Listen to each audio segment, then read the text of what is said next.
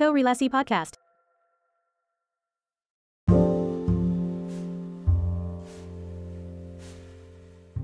Halo, kita ketemu lagi di Korelasi, satu obrolan podcast yang ngobrolin arsitektur dalam kaitannya dengan berbagai aspek dalam kehidupan.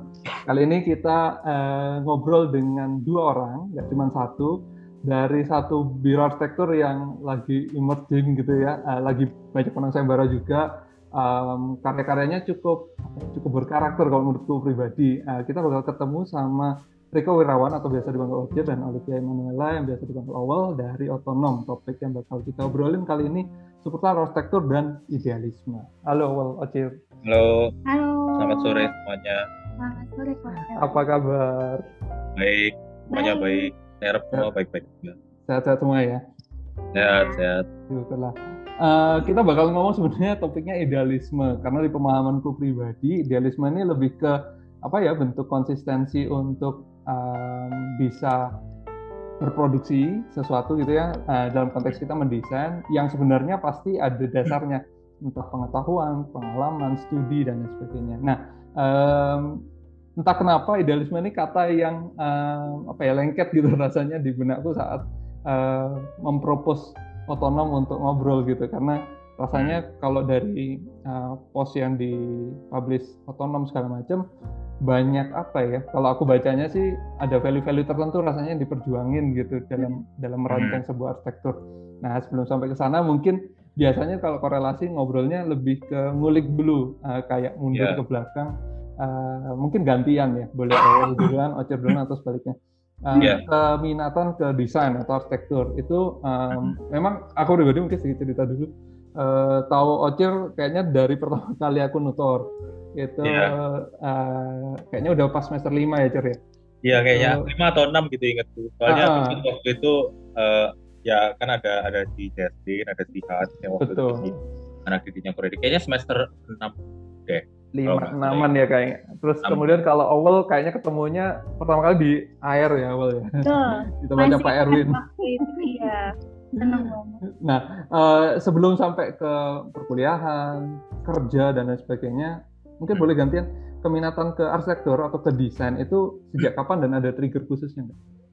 Oke, eh, mungkin dari aku dulu ya. Boleh, boleh. Mungkin kalau tentang arsitektur itu sendiri itu em, ini lucu sih, tapi Hmm, dulu waktu kecil tuh aku mengidolakan Soekarno. Oke. Dan aku tahu dia itu IR kan.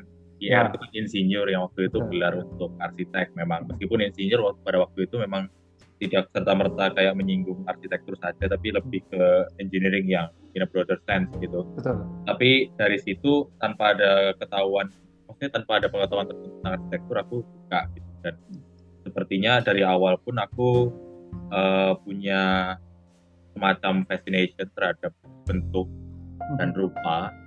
Sehingga kalau misal kayak pelajaran mat dulu itu di zamanku itu ada satu fase di mana kita tuh suruh bikin market untuk bentuk geometri itu wah itu aku paling senang.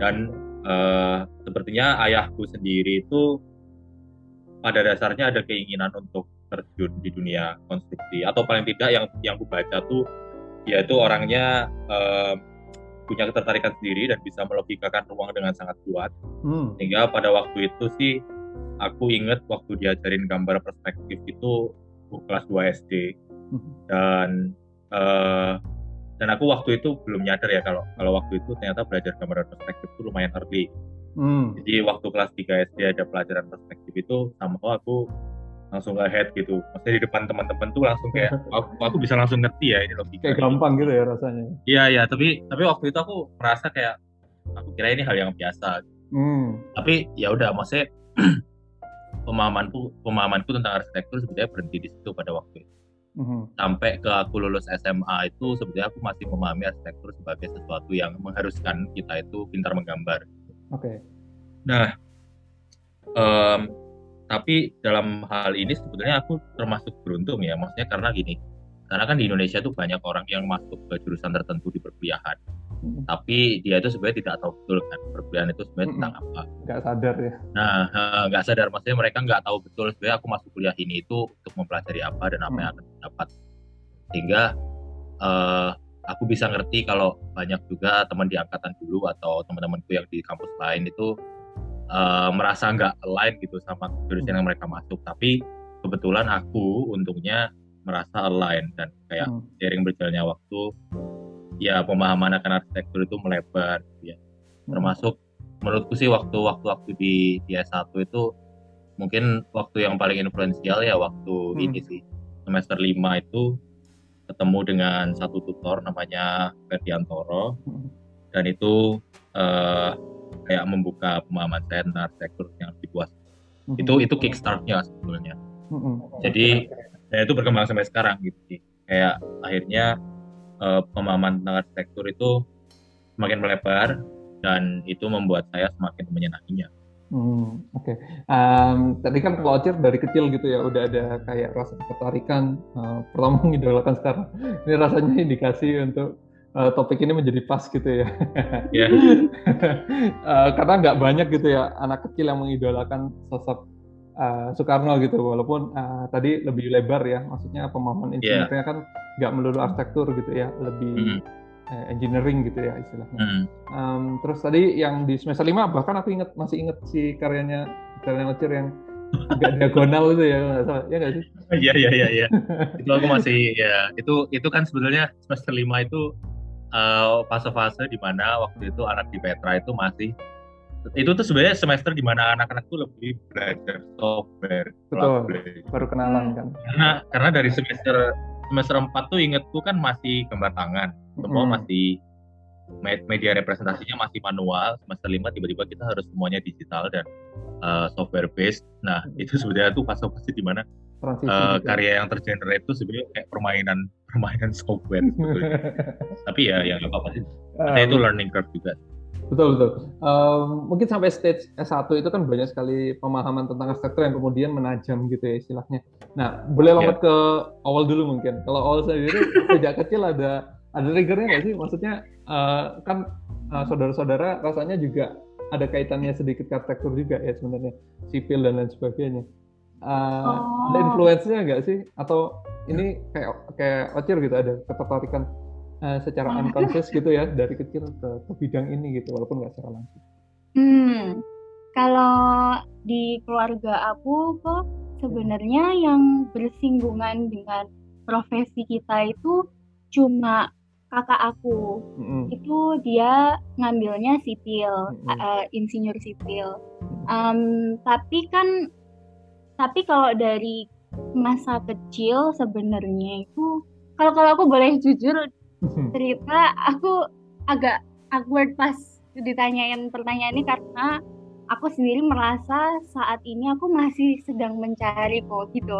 Maksudnya oke. apakah em, apakah awal ini arsitek gitu dan apakah ar- apakah arsitek yang didefinisikan Riko itu ada di aku Mm-mm. Aku secara profesi sih em, memang menyenangi bidang ini gitu. Cuma salah. Secara bidang aku aku menyukai arsitektur, tetapi semakin aku berjalan, maksudnya kan eh, ak- kita baru membuka otonomi ini baru satu tahun gitu. Mm.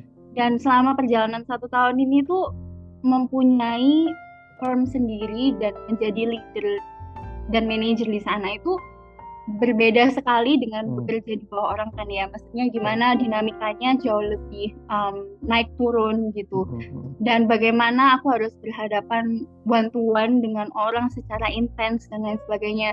Itu masih uh, freaks me out gitu.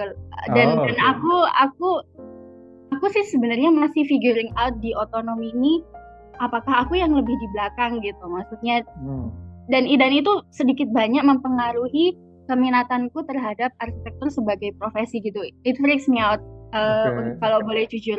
Tapi satu hal yang uh, aku merasa beruntung uh, bisa berpartner sama Ocil itu dalam hal karena dari kecil aku memang ada ketertarikan di bidang um, seni lukis gitu. Hmm. Jadi dari kecil memang awal diperkenalkan dengan itu karena omku adalah seorang pelukis di Bali. Oh, oke. Nah, lalu dari situ aku dari kecil diperkenalkan eh, ke arah sana dan dan aku mungkin mungkin juga ada ini ya kok ada gap gap selama bersekolah Hmm. dari SD sampai SMA itu ada gap di mana aku nggak bener-bener uh, tahu profes apa sih arti memilih jurusan dan apa apa sih arsitektur itu gitu karena waktu aku aku bilang aku suka gambar gitu. Terus yang diarahkan tuh oh berarti kalau suka gambar tuh DKV interior sama arsitektur gitu. Template ya? Oh gitu. Iya template kan template kan gitu. Dan aku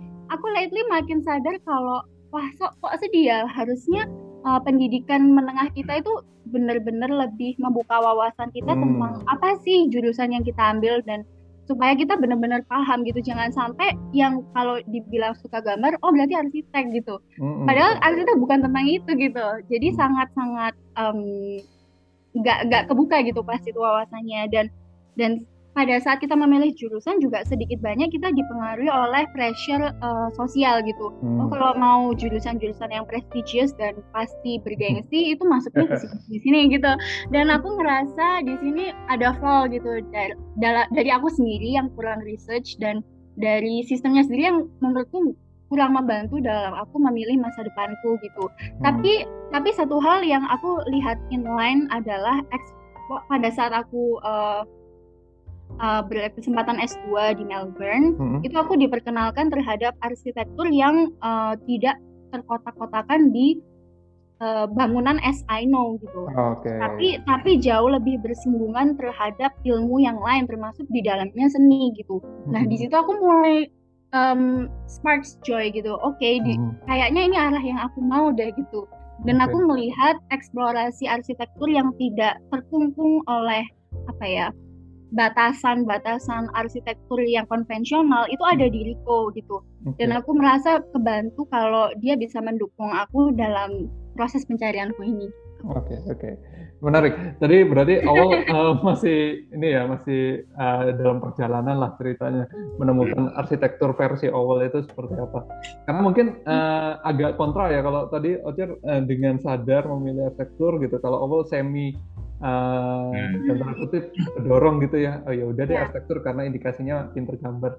Um, hmm. memang memang sedih sih karena gambar ini kan sebenarnya yeah. bagian dari merepresentasi pemikiran gitu ya. Padahal um, mungkin saja kemampuan spasialnya lemah tapi kuat gambar gitu. Akhirnya yeah. sebenarnya nggak terlalu cocok di arsitektur tapi kepaksa gitu. Termasuk uh, memahami arsitektur tadi lebih luas gitu. Uh, kalau kalau dilebarkan sebenarnya arsitektur tuh uh, antara ilmu bangunan atau keilmuan gitu. Jadi yang yeah. satunya spesifik bangunan, yang satunya lebih luas lagi memaknai yeah. segala hal yeah. gitu ya istilahnya lebih luas. Yeah. Nah, yang menarik rasanya kan um, Owell menyebutkan tadi kalau di studi S2 itu lebih melebar gitu pemahaman arsitekturnya. Kan Owell duluan ya yang mulai di Melbourne ya, baru kemudian Rico yeah. ikut ke Melbourne. Nah, yeah. uh, mungkin cerita dari awal dulu ya kalau gitu. Uh, memilih Melbourne sebagai destinasi studi itu adakah triggernya? Karena kan sebenarnya setelah lulus sempat mengalami pengalaman arsitektur di air ya? Atau ada yang lain selain air? Nah itu uh, mengalaminya gimana sampai kemudian berkeputusan oke okay deh lanjutin studi? Hmm, emang itu sih dari dari lulus itu langsung kerja di air bersama hmm. Pak Erwin dan Ko Andi um, selama dua setengah tahun kurang lebihnya. Tapi memang pada saat memulai uh, proses pelamaran kerja itu aku emang udah ada pikiran um, untuk melanjutkan studiku karena memang uh, sampai di titik ini pun aku ngerasa aku selalu ngerasa kurang maksudnya hmm. kok ilmu yang aku punya aku masih kerasa kepingin belajar lagi ya gitu dan hmm. memang kalau dalam hal uh, kondisi belajar aku lebih kondusif kalau dipaksa gitu secara lingkungan mengharuskan aku fokus untuk belajar gitu karena okay. emang aku orangnya kadang-kadang suka distracted gitu jadi kalau nggak difokusin malah melebar nah dari titik itu aku udah kepikiran oke okay, aku akan ngambil S2 uh, eh, cepat atau lambat gitu hmm. Lalu pada saat proses bekerja di air, aku mendapatkan sedikit uh, suntikan kayak introduction lah uh, ke practice world gitu hmm. seperti ini gitu. Lalu hmm, pada saat yang bersamaan, um, aku mencoba daftar sebenarnya hmm. beasiswa LPDP ke Amerika gitu. Okay. Terus gak keterima gitu. Hmm. Jadi jadi aku pasti sedih banget dan karena karena itu adalah first uh, value uh, kayak prioritas pertama aku oh, okay. dan dan gak kesampaian gitu langsung crush gitu. Nah, terus setelah itu kebetulan uh, Ko Raymond uh, angkatan satu tahun di atasku Iya udah itu duluan ya. uh, uh, udah duluan, udah duluan uh, sekolah di University of Melbourne waktu itu. Lalu aku melihat kok ini juga ya seru ya belajarnya itu tentang desain gitu. Karena aku pada saat itu yang aku tahu tentang S2 itu selalu tentang research gitu dan Betul. aku nggak ngerasa panggilanku ke arah research Gak gitu. Comfortable di sana ya. iya iya benar aku kepingin belajar tentang desain tapi lagi-lagi kok kalau Koko tanya kenapa kok Melbourne sebenarnya aku sendiri belum eh, segitu banyaknya research Hmm. Em, aku pasti iseng-iseng aja kok jujur maksudnya aku jujur coba-coba ke University of Melbourne gitu. Heeh. karena karena aku ngeliat kakak kelas gitu oh kakak kelas kok ada yang di sana gitu. Nah, kayaknya kok reference lah ya. pengalaman iya karena pengalaman S1 kita kan sama. Jadi aku pikir oh kayaknya itu lebih approachable deh lebih possible gitu. Jadi aku coba sana juga selain karena yang pertama tadi itu gagal gitu loh. Aku Hmm. udah udahlah nggak banyakan mikir aku coba-coba aja gitu. Lalu setelah nyoba ternyata masuk dan eh, dapat beasiswa juga. Jadi jadi karena karena beasiswanya sih kok sebenarnya karena Oke. beasiswanya aku ngambil langsung tuh karena aku nggak ngerasa kesempatan ini akan datang di tempat yang lain gitu Mm-mm. jadi sebenarnya kalau dari segi alasan hmm, belum ada yang jalan Tuhan mungkin. Iya Beasiswanya terus kemudian tadi udah ada Raymond yang duluan. Eh, kumpulan-kumpulan apa ya eh, tanda-tanda ini yang kemudian eh, ya udah deh nyobain di Melbourne gitu ya. Iya. Eh, sebelum mungkin ngobrolin tentang pembelajaran arsitektur di Melbourne yang apa ya tadi lebih melebar, meluas, Hmm. membuka wawasan dan lain sebagainya, mungkin minta eh, pendapatnya atau pengalamannya Ocir deh.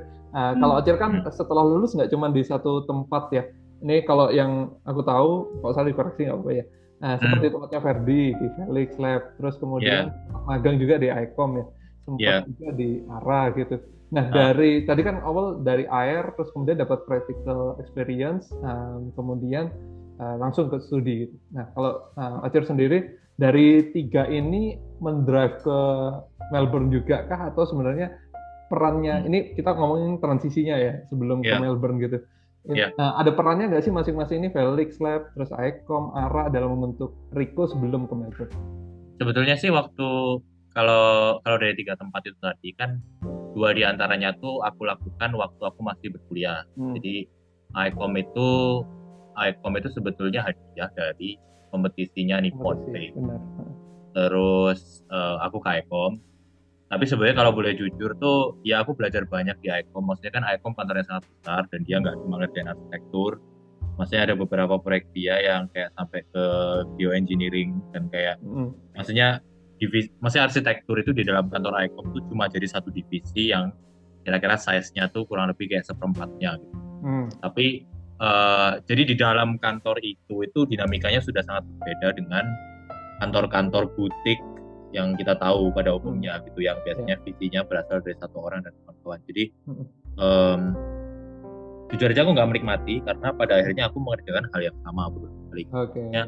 kalaupun ada diskusi yang kritis, yang mana ada ya, maksudnya diskusi kritis itu di encourage gitu. Tapi em, karena mindset utamanya itu tetap urban design, kemungkinan yang bisa ditimbulkan itu yang kupahami itu jauh lebih sedikit dibandingkan dengan kantor yang melabeli dirinya sebagai kantor arsitektur gitu. Karena kan Oke. urban design itu involve more money, Banyak aspek ya. ya kan, involves more uh, decision making, Heeh.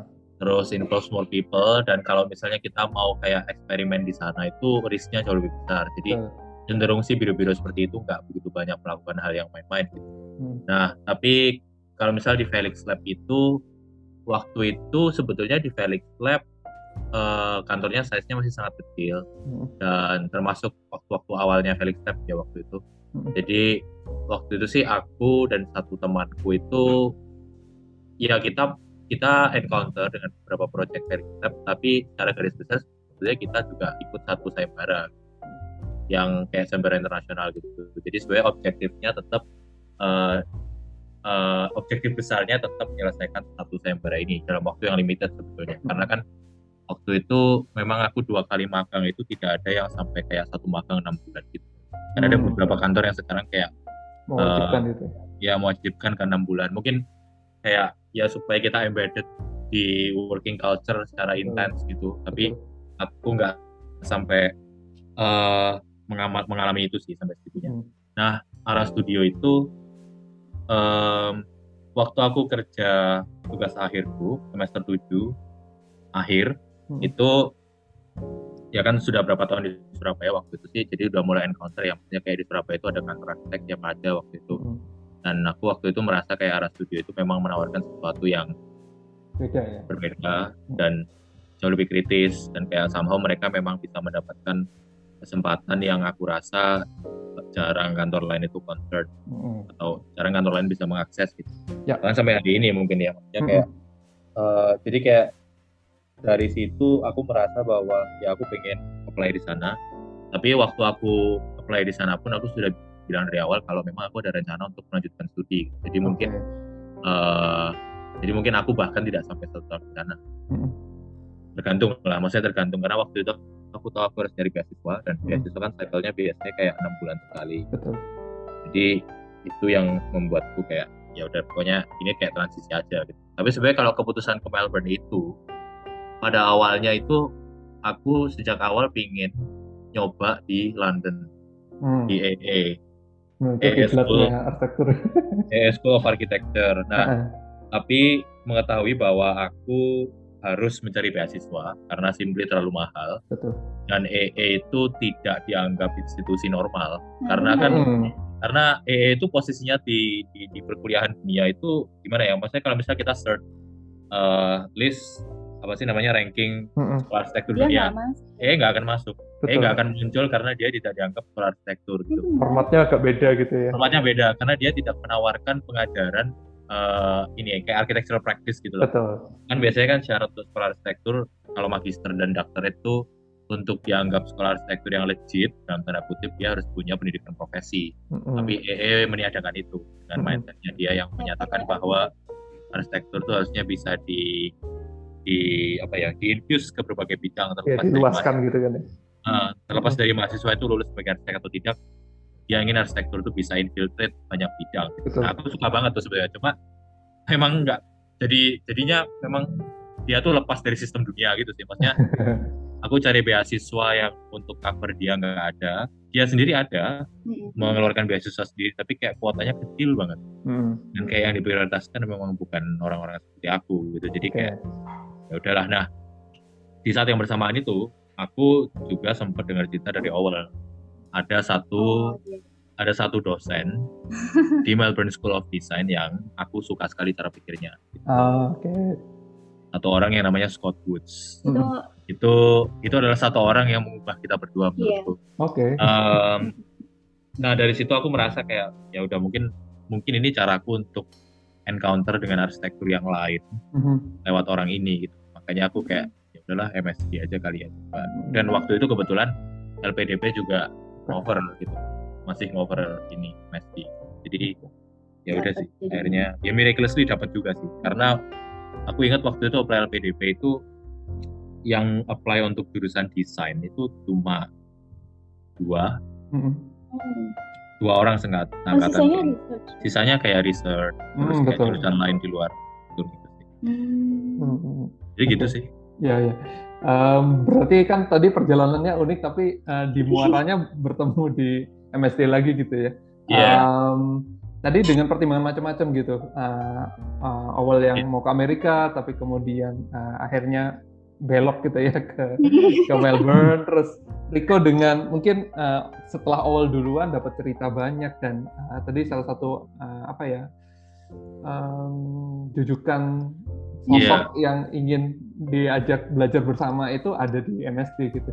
Uh, yeah. Menarik sih, maksudnya dari perjalanan arsitektur yang berbeda-beda, tapi kemudian memutuskan untuk uh, di MSD sendiri. Nah, mm-hmm. yang menarik nih kalau dari pengamatanku pribadi, uh, selain Raymond, Awal, Ocir, terus ada juga uh, beberapa kenalan yang lain ya, yang sekolah di Melbourne uh, School of Design itu, balik ke sini itu dengan pemahaman arsitektur yang semakin meluas gitu.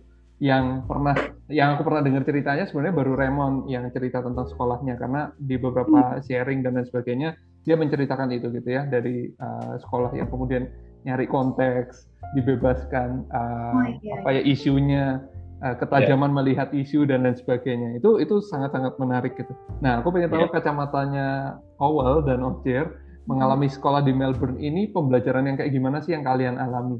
Mungkin Hmm. bisa sama, mungkin bisa beda. Uh, monggo silakan Iya. satu mungkin.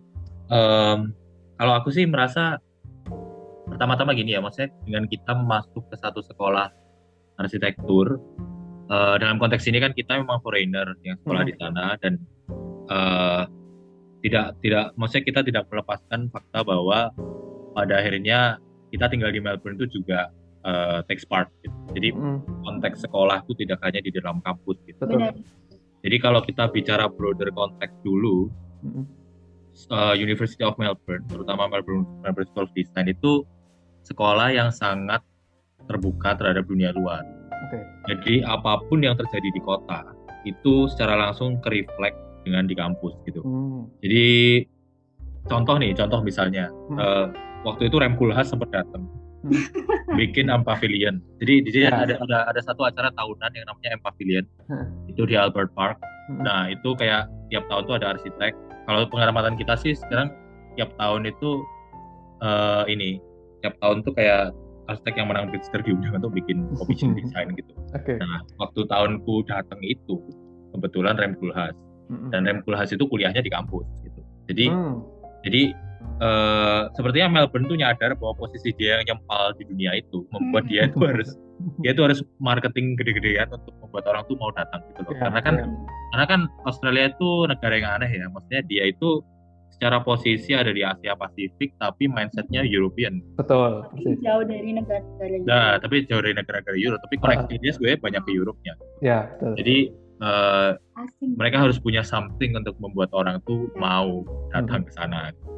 Nah, MSD itu kayak gitu, maksudnya kayak dia itu langsung mereflek apa yang terjadi di kota. gitu. Jadi kebanyakan kalau ada event desain apa pun yang ada di Melbourne, itu pasti sekolah itu jadi salah satu partisipannya. Mm-mm. Atau ada satu poin di mana acara itu dilaksanakan di sekolah. Jadi kita Hmm. itu nggak nggak nggak steril gitu iklimnya itu. Ya. Nah itu juga itu juga terjadi di tiap studionya. Jadi Mhm. sebetulnya studio di dalam kampus itu range-nya lebar sekali. Jadi dalam satu tahun itu ada sekitar 42 studio. Itu bisa naik turun ya amount-nya. Bisa kadang 42, bisa 40, kadang 30 sekian gitu. Mhm. Nah, Itu dalam satu tahun em, range-nya studio banyak banget. Jadi kayak kita mau jadi orang yang sangat praktikal, ya kita bisa pilih studio yang ada Hmm. konteks, ada pengguna dan kita presentasi di depan penggunanya gitu. Hmm, berupa bangunan ya. Dan berupa bangunan gitu Oke. ada juga studio yang sangat eh, left wing jadi kayak semuanya semuanya theoretical Oke. proposalnya sightless proposalnya itu Oh. semuanya kayak sightless tanpa skala dan kawan-kawan tapi yang dibicarakan tuh misal tentang historical aspek dari Hmm. proposal itu atau Ya. tentang political aspek dari proposal itu jadi kayak Hmm. eh, concernnya sangat berbeda gitu dan eh, itu membuat iklim pengajaran di MSD itu sangat gaduh ya maksudnya dalam Gaduh. dalam artian kayak kalau misal kita berada di studio yang sangat theoretical Hmm. kadang tuh waktu crit itu yang diundang tuh orang-orang yang sangat praktikal Hmm. Nah itu. jadi pasti pasti clash dong maksudnya kan Ya, kayak betul. ketika ketika kita punya proposalnya sangat theoretical terus ditanyain sama orang yang proposalnya itu maksudnya orang yang mindsetnya sangat sangat sangat praktikal gitu ya itu Hmm. pasti clash gitu tapi memang itu yang Itu dicari yang dicari. itu yang dicari oke. untuk menimbulkan satu dialog gitu Hmm. maksudnya bagaimana ketika proposal yang berseberangan ini disandingkan dengan value yang berseberangan gitu maksudnya Hmm. gimana gitu tapi tapi yang aku yang aku rasa sih kayak setiap studio itu konsekuen ya. Jadi misalnya kayak dia ada studio yang sangat praktikal ya udah maksudnya aku pernah juga menjalani satu studio yang briefnya itu kayak sekolah. Dan kita memang harus datang ke sekolahnya Hmm. presentasi di depan guru-gurunya Di mana anak-anak di depan anak-anaknya dari TK sampai ke SMA itu hadir pembuka. dan mereka juga menanyai gitu proposal kita ya kayak ada beberapa anak SD itu yang kena kritik nih di situ. Iya, ada, beberapa anak SD itu yang tanya kalau misal what if my friends is a disabled person gitu maksudnya Ah, gimana, oke. gimana kalau temanku itu harus pakai kursi roda dan dia harus naik dari lantai ini ke sini gitu. Hmm. kan itu sesuatu yang kayak ya ketika aku nyadar terus aku reflect ke konteks Indonesia itu kayak oh, ketika apa namanya em, apa ya bahkan kita di Indonesia tuh sesulit itu untuk untuk untuk membuka dunia Hmm. pendidikan arsitektur itu keluar gitu maksudnya Jadi lebih aksesibel dari Heeh. berbagai berbagai macam kalangan ya. iya Hmm, maksudnya kan betul, betul. kita kita banyak menemui di Indonesia itu konteks di mana kayak misal kita punya studio terus Hmm. briefnya itu sesuatu yang praktikal Hmm. tapi secara implisit itu diimpose satu parameter di mana jangan terlalu mahal tapi ma- mahal itu gimana maksudnya Hmm. kalau kalau misal ternyata mahal atau tidak jadi concern berarti harusnya kalau mau konsekuen di brief studio gitu ya. itu di brief Hmm. studio itu ada penghitungan estimasi gitu misalnya Iya. Hmm. kalau memang mau go that extent Iya, ya. Betul, betul. Kalau kalau misal akhirnya pembicaraan tentang budget nggak nggak ada ya udah berarti itu nggak harusnya nggak jadi parameter Hmm. bukan yang mau bandingin ya tapi maksudnya Hmm. memang kita harusnya bisa belajar gitu dari apa yang terjadi di sana dan kenapa kok itu dianggap sebagai sesuatu yang lebih baik karena kan pada dasarnya memang pendidikan arsitektur itu demand dialog ya dialog dan kayak sebenarnya nggak ada bener salah gitu ya sebetulnya Pilihan kan ya. iya harus Hmm. konsekuen aja gitu Oke. Iya, benar-benar. Mhm. Em, sedikit menyambut tadi, em, sepakat sih maksudnya mungkin dengan ekosistem yang eh, cenderung lebih matang juga di Melbourne. Terus kemudian eh, tadi ya, maksudnya universitas itu nggak steril eh, Hmm. sendirian, tapi involve ke berbagai macam eh, kegiatan yang terkait Hmm. desain maupun tidak gitu ya. Karena tadi ada anak sekolah sebagai klien dan lain sebagainya sebagai simulasi mungkin. Iya. Em, Betul sih, maksudnya sepakat kalau pembelajaran itu nggak bisa abu-abu juga gitu ya. Uh, harus Hmm. harus konsisten mungkin ya bahasanya. Kalau milih uh, salah satu pola, ya udah konsisten semua elemen tuh mengarah ke pola itu gitu. Um, Hmm. Dengan banyaknya pilihan di Melbourne tadi gitu ya, kalau uh, Rico cerita banyak Hmm. studionya kita bisa milih yang praktikal sampai historical yang uh, outputnya bukan arsitektur uh, building gitu ya, Hmm. mungkin lebih ke apa Yeah. paper architecture tadi istilah awal. Um, Yeah. Itu kan seluas itu gitu. Nah, kalian Hmm. di di lead nggak sih maksudnya apakah kalian itu diberikan pemahaman untuk kemudian atau dikasih teaser ya let's say uh, studio ini tuh kayak gini, studio ini kayak gini. Jadi saat memilih itu bukan kayak beli kucing dalam karung, tapi sudah dengan apa ya kesadaran gitu. Kan sebenarnya sama aja kayak milih Iya, iya. arsitektur di awal tadi ya. Ya, sebetulnya ada sih. Maksudnya sistem itu ada, meskipun aku kadang merasa juga itu bisa misleading Iya. gitu, karena aku Oke. pernah mengalami juga di mana. Aku pernah, studio. aku pernah mengalami juga di mana itu lumayan salah sih. Maksudnya, aku kira kalau dari deskripsi awalnya studio itu sangat eksploratif. eksploratif, Mm-mm. ternyata kayak apa ya, Konvensional banget. banget ternyata. gitu. Maksudnya kalau kalau deskripsi kalau dari deskripsinya tuh aku kira ah, outputnya bisa paper architecture gitu, ternyata Hmm.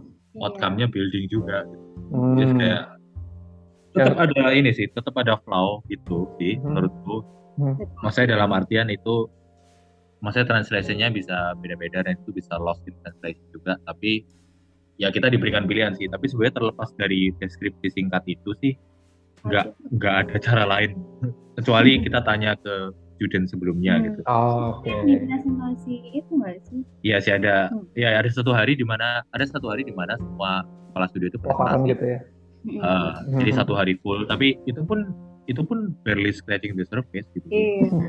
Karena mungkin by that time juga studio leadernya nggak ngerti outcome-nya bakalan iya ke arah mana. Maksudnya itu Ah. itu menariknya sih kok. Maksudnya Mhm. tidak memang memang ya ada konsekuensinya ya yang seperti Hmm. Rico bilang itu kan sebenarnya konsekuensi yang negatifnya lah dia Hmm. menjadi aduh kecewa gitu salah masuk ke studio tetapi positifnya kalau buat aku di titik itu eh, si dosen dengan si mahasiswa sama-sama belajar mencari gitu. Oh, see. si dosennya pun mencari kira-kira ini studionya bagus ke arahin ke arah mana ya gitu terus Hmm. itu pun diskusinya cair gitu dengan Hmm. dia mengundang guest gitu misalnya guest speaker dari Hmm. historian misalnya Hmm. eh, ahli sejarah terus Hmm. Misalnya kurator dari galeri di Itali gitu akhirnya terus ke keasah diskusinya ketemu ketertarikannya orang ke arah mana baru arah studionya mulai perlahan-lahan jelas gitu Hmm. jadi studio leadernya itu cukup cair untuk eh, dibawa nggak ngaku nggak ngaku Hmm. tapi at the same time dia eh, cukup decisif untuk bisa ngarahin kayaknya ini udah waktunya aku arahin deh gitu jadi Oke. in that sense aku merasa sangat fun gitu Ah. ya itu itu tadi yang dikatakan Owl itu adalah studionya Scott Woods Oh, Oke. Ya, Jadi- ya, ya, ya. jadi waktu itu waktu aku encounter pertama sama dosen ini juga tuh Ah. waktu itu traveling studio terus Oke. kita tuh ke Venice Mhm.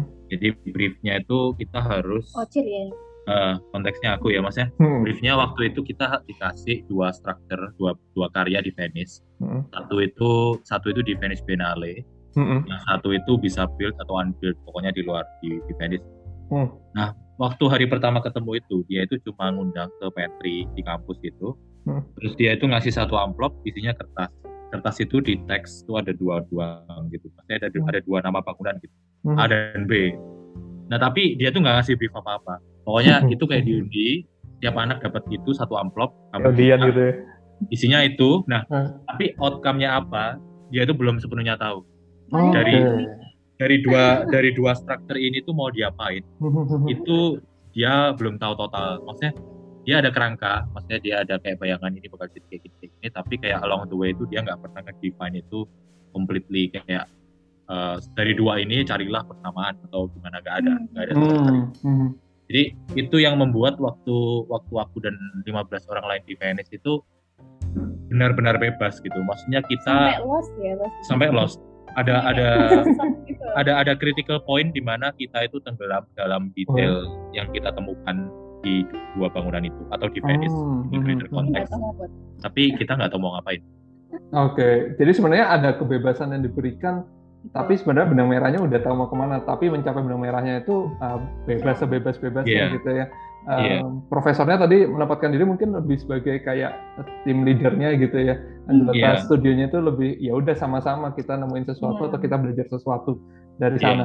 Nah, uh, menarik banget sih dengan banyaknya studio tadi itu uh, kesulitan nggak? Maksudnya tadi dengan uh, salah pilih studio dan lain sebagainya. um, punya kesadaran mau milih yang mananya itu gimana caranya? Maksudnya kan, uh, let's say gini, kayak misalkan kalau dari contoh aku pribadi ya pada saat itu di Bandung itu memang dari awal udah di state kan mau riset, mau desain, uh, mau rancang kota atau landscape gitu istilahnya.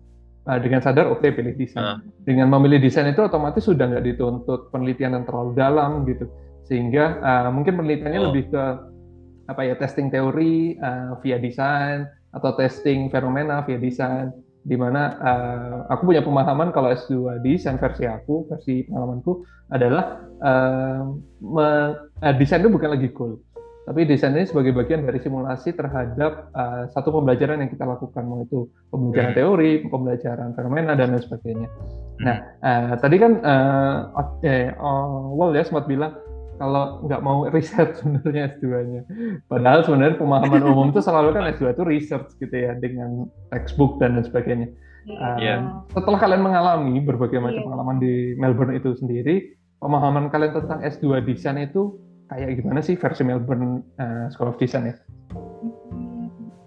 Sebetulnya sih kalau eh, S2 desain dalam hal ini kalau kalau di Melbourne sebutnya ke Hmm. coursework ya. Hmm. Itu tuh sebenarnya nggak lepas dari research sih. Mungkin lepas. Tapi tapi gini, maksudnya yang yang ku alami itu gini, maksudnya waktu studio pertama itu aku benar-benar milih yang sangat praktikal karena aku kayak oke ini sekolah baru, aku testing the water dulu. Mm-mm. Nah, sesuatu yang aku lebih Yang familiar. aman dulu ya.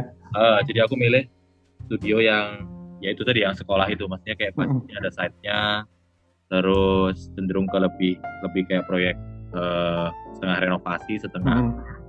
Edition gitulah nah Infill gitu ya.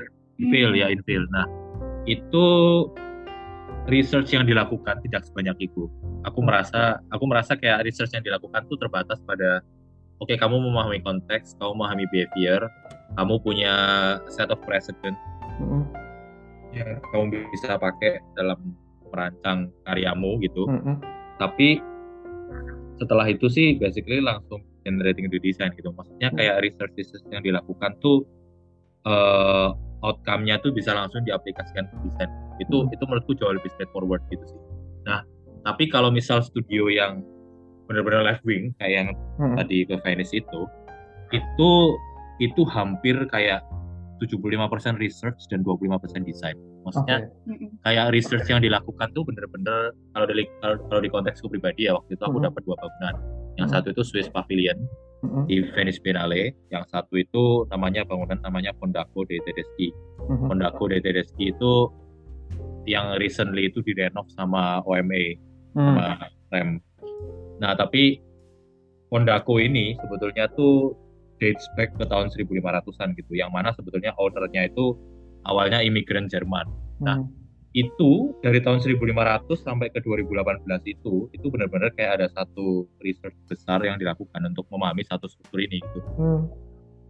Sama juga dengan yang di Swiss Pavilion itu. Nah, dari dua itu untuk mencari apakah itu ada kesamaan, apakah itu ada kontradiksi, terus aspek apa yang mau dipakai ke outcome itu itu butuh third party lagi. Maksudnya kayak butuh sesuatu yang bisa memberikan struktur gitu sih ke Hmm. dua hal yang yang seemingly nggak connected ini untuk Oke. bisa satu project gitu sih. Jadi jadi sangat acak-acakan aku bilang. ya kayak kayak ketika aku disuruh memetakan proses desain itu dalam satu garis itu sepertinya rada susah karena itu benar-benar rasanya kayak kita punya spider web yang Nyambang ke mana-mana gitu ya. nggak ada arahnya terus tiba-tiba itu bertelur jadi desain gitu dan itu pun itu pun kayak ujung-ujungnya bisa jadi satu sculpture itu sebetulnya kan atas bantuan dari sesuatu yang sangat asing dan di luar itu itu waktu itu aku tuh ngelihat kayak eh, jadi aku kayak mencari satu logika dari hal yang benar-benar lepas dari dua bangunan ini Hmm. yang mungkin bisa tak pakai untuk eh, hasil akhirnya yang mana waktu itu kayak satu mesin namanya kinestoscope gitu. Hmm. Nah tapi itu kan kayak kinestoscope dan dua bangunan ini itu nggak ada hubungannya sebetulnya. Hmm. Tapi tapi kita harus cari eh ya itu maksudnya harus cari satu titik di mana eh, hal-hal yang seemingly disconnected ini in some ways bisa connected.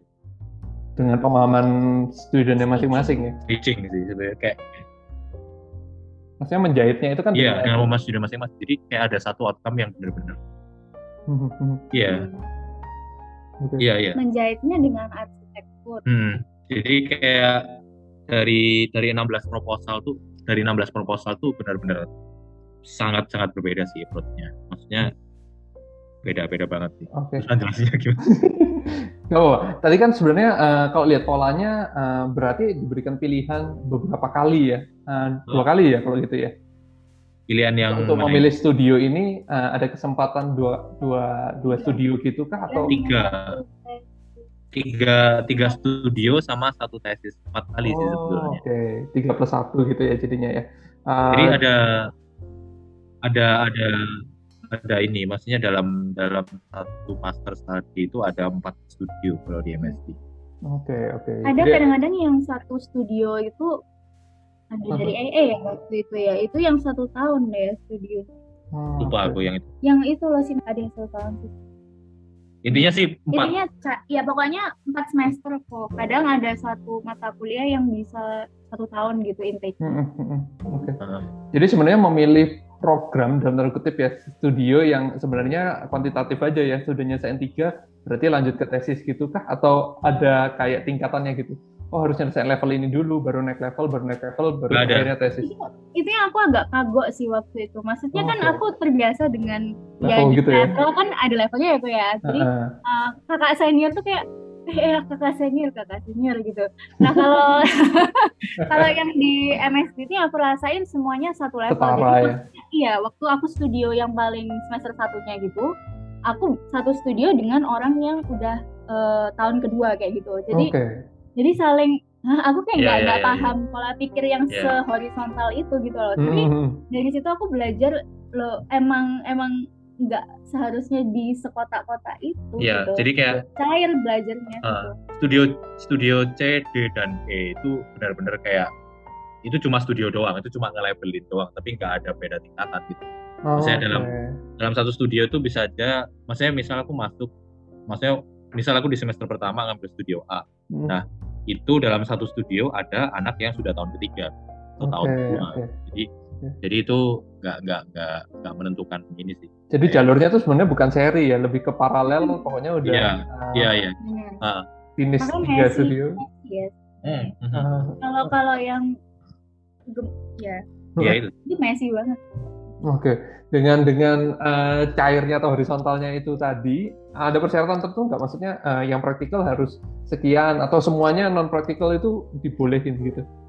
Nggak ada sih. Nah itu bisa plus dan minus tuh ya kok ya. Maksudnya aku dengar sendiri dari anak-anak lokal yang S1-nya bukan di Petra ya. Maksudnya Petra itu kan kita as we know dia sangat membekali kita dengan teknik-teknik arsitektur yeah. yang Iya. udah eksis dari zaman penjajahan Belanda Mhm. gitu loh maksudnya pakem-pakem tertentu yang kalau kamu megang ini bangunanmu tuh aman lah gitu Hmm. Nah, tapi tapi eh, anak-anak lokal yang S1 di sana tidak punya bekal ini gitu. Jadi banyak Hmm. banget yang S2 tuh yang bilang ke aku, aku nggak merasa belajar apa pun yang bisa aku aplikasikan di dunia pekerjaan gitu karena Mhm. tidak ada persyaratan harus ngambil studio praktikal berapa, eh, Oke. konseptual berapa gitu. Nah itu plus minus sih. Maksudnya kalau seperti kita, kita kan bisa memposisikan diri ya. Oke, Hmm. dua-duanya punya plus minusnya masing-masing. Dua-duanya perlu dipelajari gitu. Atau ada lagi anak yang lebih nyaman belajar hal-hal praktikal tuh ya langsung di real world-nya aja waktu magang misalnya gitu. Oke. Dan di oke. sekolah itu konsep eh, waktunya have fun dengan konsep gitu. Nah Mhm. itu itu tergantung anaknya sih. Kok ada yang benar-benar jadinya merasa salah langkah banget gitu karena sampai lulus pun belum belajar aplikasi gitu. Iya, iya, iya. Jadi sebenarnya Ivan mau belajar lebih banyak dari tiga itu dibolehin dong berarti? Hmm, Atau enggak jatahnya emang cuma tiga itu aja? Oh tiga aja sih. Kalau itu itu kalau itu masalah waktu. Jadi habis tiga langsung tesis. Karena Oke. eh, dua tahun, either Hmm. dua tahun atau tiga tahun. Kalau tiga tahun misal ada orang yang bachelornya itu bukan arsitektur, nah dia Oh, harus iya. ngambil Oke. exposure untuk untuk kayak transisi gitu ke arsitektur. Mhm. Kayak matrikulasi sebelum siap masuk Ya. arsitekturnya gitu ya? Iya iya. Mhm. Oke, menarik. Eh, kalau yang praktikal kan kita sama-sama tahu lah ngalamin semuanya ya. Eh, bagaimana menilai atau kan ya namanya pembelajaran kan tetap ada output akhirnya ya. Kamu Iya. berhasil atau enggak itu kan perlu dinilai walaupun sebenarnya di luar itu subjektif, objektif atau ada eh, rubriknya dan lain sebagainya. Eh, kalau yang studi praktikal rasanya semua hampir bisa memahami ya eh, antara benar atau belum tepat gitu. Eh, ya benar dapat maksimal, kalau belum tepat ya mungkin eh, lebih di bawah itu. Nah kalau yang tadi eksperimental, terus apa ya, leveling tadi, itu kayak Iya. gimana? Maksudnya eh, mungkin boleh dibagiin eh, proses me- apa ya, mengevaluate si hasil ini, apakah hasil ini, nah saya misalkan ada yang bikin udah mateng banget, udah mikirnya dalam segala macam, ternyata eh, nggak lebih baik dibandingkan yang insting misalkan atau yang main intuisi gitu, yang hasilnya Oh. mungkin instan dan lain sebagainya. Ada parameter untuk apa ya, mengevaluate hasilnya nggak sih di studio yang non praktikal? Eh, Param- gimana ya? Kalau Iya, kalau kalau kalau masalah parameter apakah ini berhasil atau tidak itu sepertinya kalau kalau kalau kita sebagai mahasiswa sih nggak pernah kayaknya nggak pernah deh. tahu exactly ya di balik layar tapi tapi selama kita misal waktu ngerjain tesis itu waktu itu kan aku kayak seminggu dua kali bimbingan sama dosennya gitu. Dan ya setiap kali ketemuan sih sebenarnya maksudnya tiap ketemuan tuh rasanya tuh lebih kayak aku tuh curhat masalah tesis dulu. Aku tuh kayak bingung ini ini ini ini. Terus dia tanya sesuatu yang bikin aku lebih bingung gitu. Tapi dari dari pertanyaan itu itu aku jadi tahu kayak oh berarti concernnya itu yang harus diadres tuh ini ini dan ini. Ah, Tapi- Oke, tapi sebetulnya along the way sih maksudnya kayak itu itu sesuatu yang sambil jalan ya. akumulatif. Ya akumulatif gitu sih. Maksudnya kayak oke dari diskusi-diskusi ini tuh kita jadi tahu kira-kira concern yang harus diadres itu misalnya kayak eh, apa posisi kita terhadap konteks yang kita ambil misalnya. Mm-mm. apakah kita iya iya. apakah kita against it? Apakah kita accepting Oh, it? sikap Jadi- gitu ya. Eh, maksudnya kayak misalnya kayak misal kayak sikap. Hmm. atau misal apa yang kamu mau maksudnya apa maksudnya apa peranan arsitektur yang kamu mau? Mhm, yang mau kamu infusekan ke proyek ini Iya. misalnya. Mhm. atau kalau aku ngelihatnya itu ini loh clarity cara berpikirnya kita itu udah se-strong apa kalau aku Oh, ngelihatnya oke. ya Bang, di balik Ya, ya, ya. ini aku berusaha ngebaca pattern ya dari anak-anak yang lulus dan yang tidak lulus itu aku ngelihatnya itu deh kok maksudnya kalau anak ada ini oh ada ada nggak lulus. Eh, ada dua pas angkatanku tuh nggak lulus jadi Hmm. jadi ceritanya kalau boleh cerita dikit waktu aku pertama kali disaranin temen kan coba deh Hmm. kalau kamu bosen sama yang praktikal ambil si studionya Scott Woods ini gitu Mhm, ya terus aku kan coba kan kok terus hari pertama waktu kuliah mhm. itu aku dikasih tontonan eh, video tentang artwork di Hmm. galeri di Eropa Hmm. itu isi kayak eh, si artisnya ini yang bukan arsitek ya dia cerita tentang karyanya itu satu jam gitu loh terus Mhm. Setelah setelah dari video itu dinyalain lampunya terus dia tanya "Eh, kira-kira kamu belajar apa dari sini? So, aku kan keringet dingin gitu loh kok aku nggak paham orang ini ngomong apa gitu. Terus katanya dia kalau kamu merasa eh, hal-hal ini terlalu abstrak buat kamu saya sarankan kalian mundur dari kelas. Oh, Oke, oke, oke. hampir mundur aku udah hampir mundur. Terus kan aku aku kan tanya ke dia maksudnya eh, eh, salah anak-anak di kelas itu kan sama-sama bingung gitu loh Mhm. maksudnya arah arsitekturnya ke arah mana gitu Hmm. terus mereka tuh ada yang tanya um, what do you think architecture is gitu Hmm. apa yang akan kamu arahkan di studio Mhm. kita ini Ya. karena kok kayaknya abstrak banget kalau Ha-ha. dari video yang kamu tontonkan gitu terus Mhm. dia tuh nunjuk dinding kok dinding dinding atas itu ngomong Ini aku inget ini. dinding apa sih dindingnya tuh kayak partisi gitu Iya. Heeh. Ya terus kayak dia double ngomong skin double pokoknya kalau kalau di Melbourne kan mereka bikinnya tuh partisi gitu jadi ada Hmm. ada first skin ada second skin terus ada insulation di tengah Iya ada isolasinya di Mhm. tengah Nah. jadi kan yang di Iya, tengah itu- itu lobang gitu loh kok nah terus gitu ya. Iya, dia tuh terus tanya ke uh, mahasiswanya, what do you think architecture is from this room gitu. Mm-mm. Terus ya kan kita ngomong kok ya, ya ceiling, dinding, sama lantai, Fisik lah ya gitu. segalanya gitu. Terus dia tuh nunjuk dinding dinding yang insulasi itu terus dia tok tok tok tok gitu terus dia bilang I think architecture is what is in between these two walls gitu. Soalnya kayak Jadi maksudnya dia tuh gini, uh, kalau aku nangkepnya ini dari guyonannya dia, Mm. I think he is a very smart person, al- although he is nobody gitu loh. Kalau kita nge-search nama dia di Google, he's no one gitu. Mm-mm. Maksudnya no one really knows him gitu. Mm-mm. Tapi uh, satu hal yang aku sangat salut dari dan membekas sampai Hmm. aku uh, bekerja sekarang itu adalah dia mengajarkan arsitektur tuh bukan sebagai cara mendesain, bukan Mhm. sebagai outcome mendesain. Nangkep. tetapi pola berpikirnya gitu dia dia selalu men-challenge kita dengan berpikir apa itu arsitektur mengapa batasnya di situ mengapa uh, outcome-nya seperti itu. Apa yang lebih krusial dari itu? Apa yang lebih besar lagi di bawah arsitektur? Kalau tentang sustainable architecture misalnya is it all about uh, global warming? Apakah ada skema besar lain? Apakah Hmm. arsitektur itu mungkin bukan jawabannya kayak gitu? Ya, Nah, ya, ya. uh, itu jauh lebih applicable dan kan kan gini aku melihatnya tuh pendidikan kuliah atau uh, sekolah itu kita dipersiapkan uh, untuk lulus di tahun sekian gitu tapi Hmm. kurikulum yang dipakai itu udah dari kurikulum zaman lama gitu loh Hmm. sehingga waktu kita lulus uh, kita apa yang kita pelajari udah obsolete gitu udah nggak Hmm, kepake Mm-mm. Nah, sedangkan dengan belajar dari pola pikir intisarinya ini, kita bisa menggunakan tuh ke semua hal tanpa terbatas waktu gitu. Kalau Oke. aku sih merasa yang Hmm. paling life changing di titik itu sih. I see. Mungkin tadi eh, menyambung ke pertanyaan output evaluate-nya gimana. Jadi karena tidak Hmm. orientasi ke produk ya, mungkin ya. eh, titik beratnya pada experience dan mengalaminya. Jadi eh, ngetesnya mungkin bukan apakah produknya eh, good or not gitu ya, tapi lebih ke apakah pola pikirnya udah berkembang, apakah eh, cara pandang terhadap desain itu udah berkembang. Lebih kayak gitu ya rasanya ya. Dan tapi ini sih tapi tapi produk pun maksudnya Walaupun outcome pun sih. outcome pun tuh jadi sesuatu yang sangat Political politikal juga maksudnya ya? gini oh, oke. maksudnya maksudnya gini misalkan kita mau merepresentasikan satu karya gitu Mm-mm. terus dari cara berpikir X something lah terus Mm-mm. cara berpikir ini gitu Hmm. nah itu translasinya ke produk akhir dan cara kita memilih material dan cara Hmm. kita memilih tektonika dalam mengkontrak market misalnya itu jadi Hmm. penting maksudnya kayak Ah, oke. kayak misal gimana ya Mas, contohnya kayak articulate si ca- eh, pola pikirmu ke dalam ya ya gitu misalnya misalnya waktu itu aku bikin waktu tesisku itu Mm. kan aku memang eh, tesisnya itu tentang menggunakan arsitektur sebagai alat untuk mendecode Mm-mm. kompleksitas yang aku temukan di Punjab. Punjab itu satu area di India dan Pakistan. Mm-mm.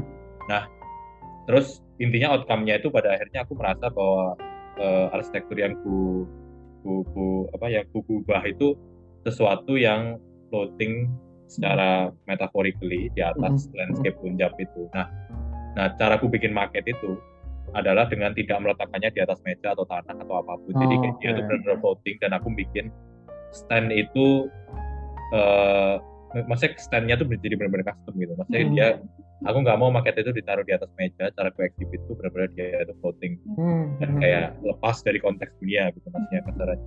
Nah itu kan itu itu contoh-contoh juga. kayak gitu. Maksudnya kayak Oh.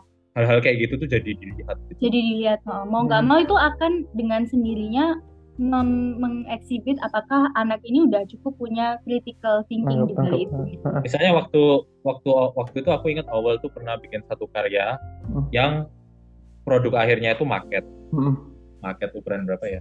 Kayaknya Satu kali satu kali satu meter lah kira-kira. Nah, dia itu mengkonstruk marketnya itu bukan sebagai bangunan. Jadi market itu bukan representasi dari sebuah bangunan. Ini ada Tapi- rodanya itu nggak sih? Iya. Ya, tapi Oke. tapi itu representasi dari satu cara pikir gitu. Oke.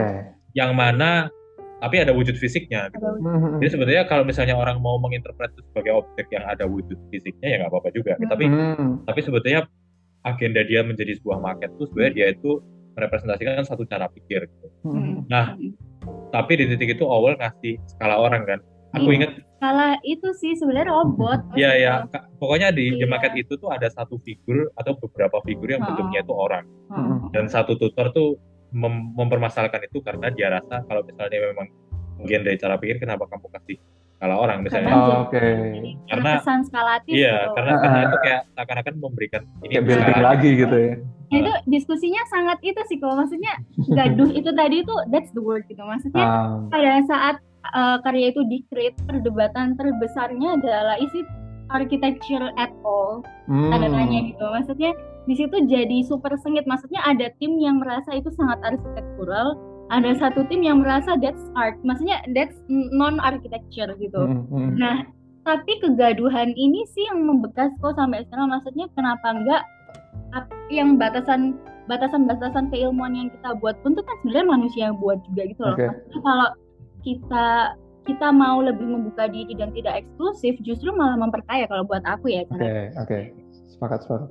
Eh, dengan pengalaman yang eh, segudang itu tadi ya. Tadi sebenarnya aku pengen nanyain detail terkait output-output objek eh, si tesis dan lain sebagainya itu karena sebenarnya menarik banget. Em, nggak cuman awal Ocir gitu ya kenalan-kenalan lain yang dari Melbourne tuh kayak outputnya kalau orang melihat tanpa konteks ya, let's say cuma lihat foto atau cuma lihat marketnya doang, ini apa sih gitu. Mungkin pertanyaan itu akan selalu muncul. Hmm. bangunan apa, bangunan apa, selalu kan tagnya bangunan gitu. Padahal tadi setelah men- mendapat penjelasan dari awal dan Ocir, rasanya makin bisa nangkep gitu. Ternyata itu kan me- apa ya, mengkonkretkan pemikiran abstrak eh, ke dalam bentuk fisik gitu ya. Eh, yang pilihan material, warna, eh, bagaimana komposisinya dan lain sebagainya itu sangat berperan untuk apa ya, merepresentasi apa yang terjadi di pikiran kita. Nah, eh, pikiran-pikiran ini kan tadi dilatih untuk kritis, untuk kemudian bisa memahami eh, pemahaman baru dari arsitektur dan lain sebagainya.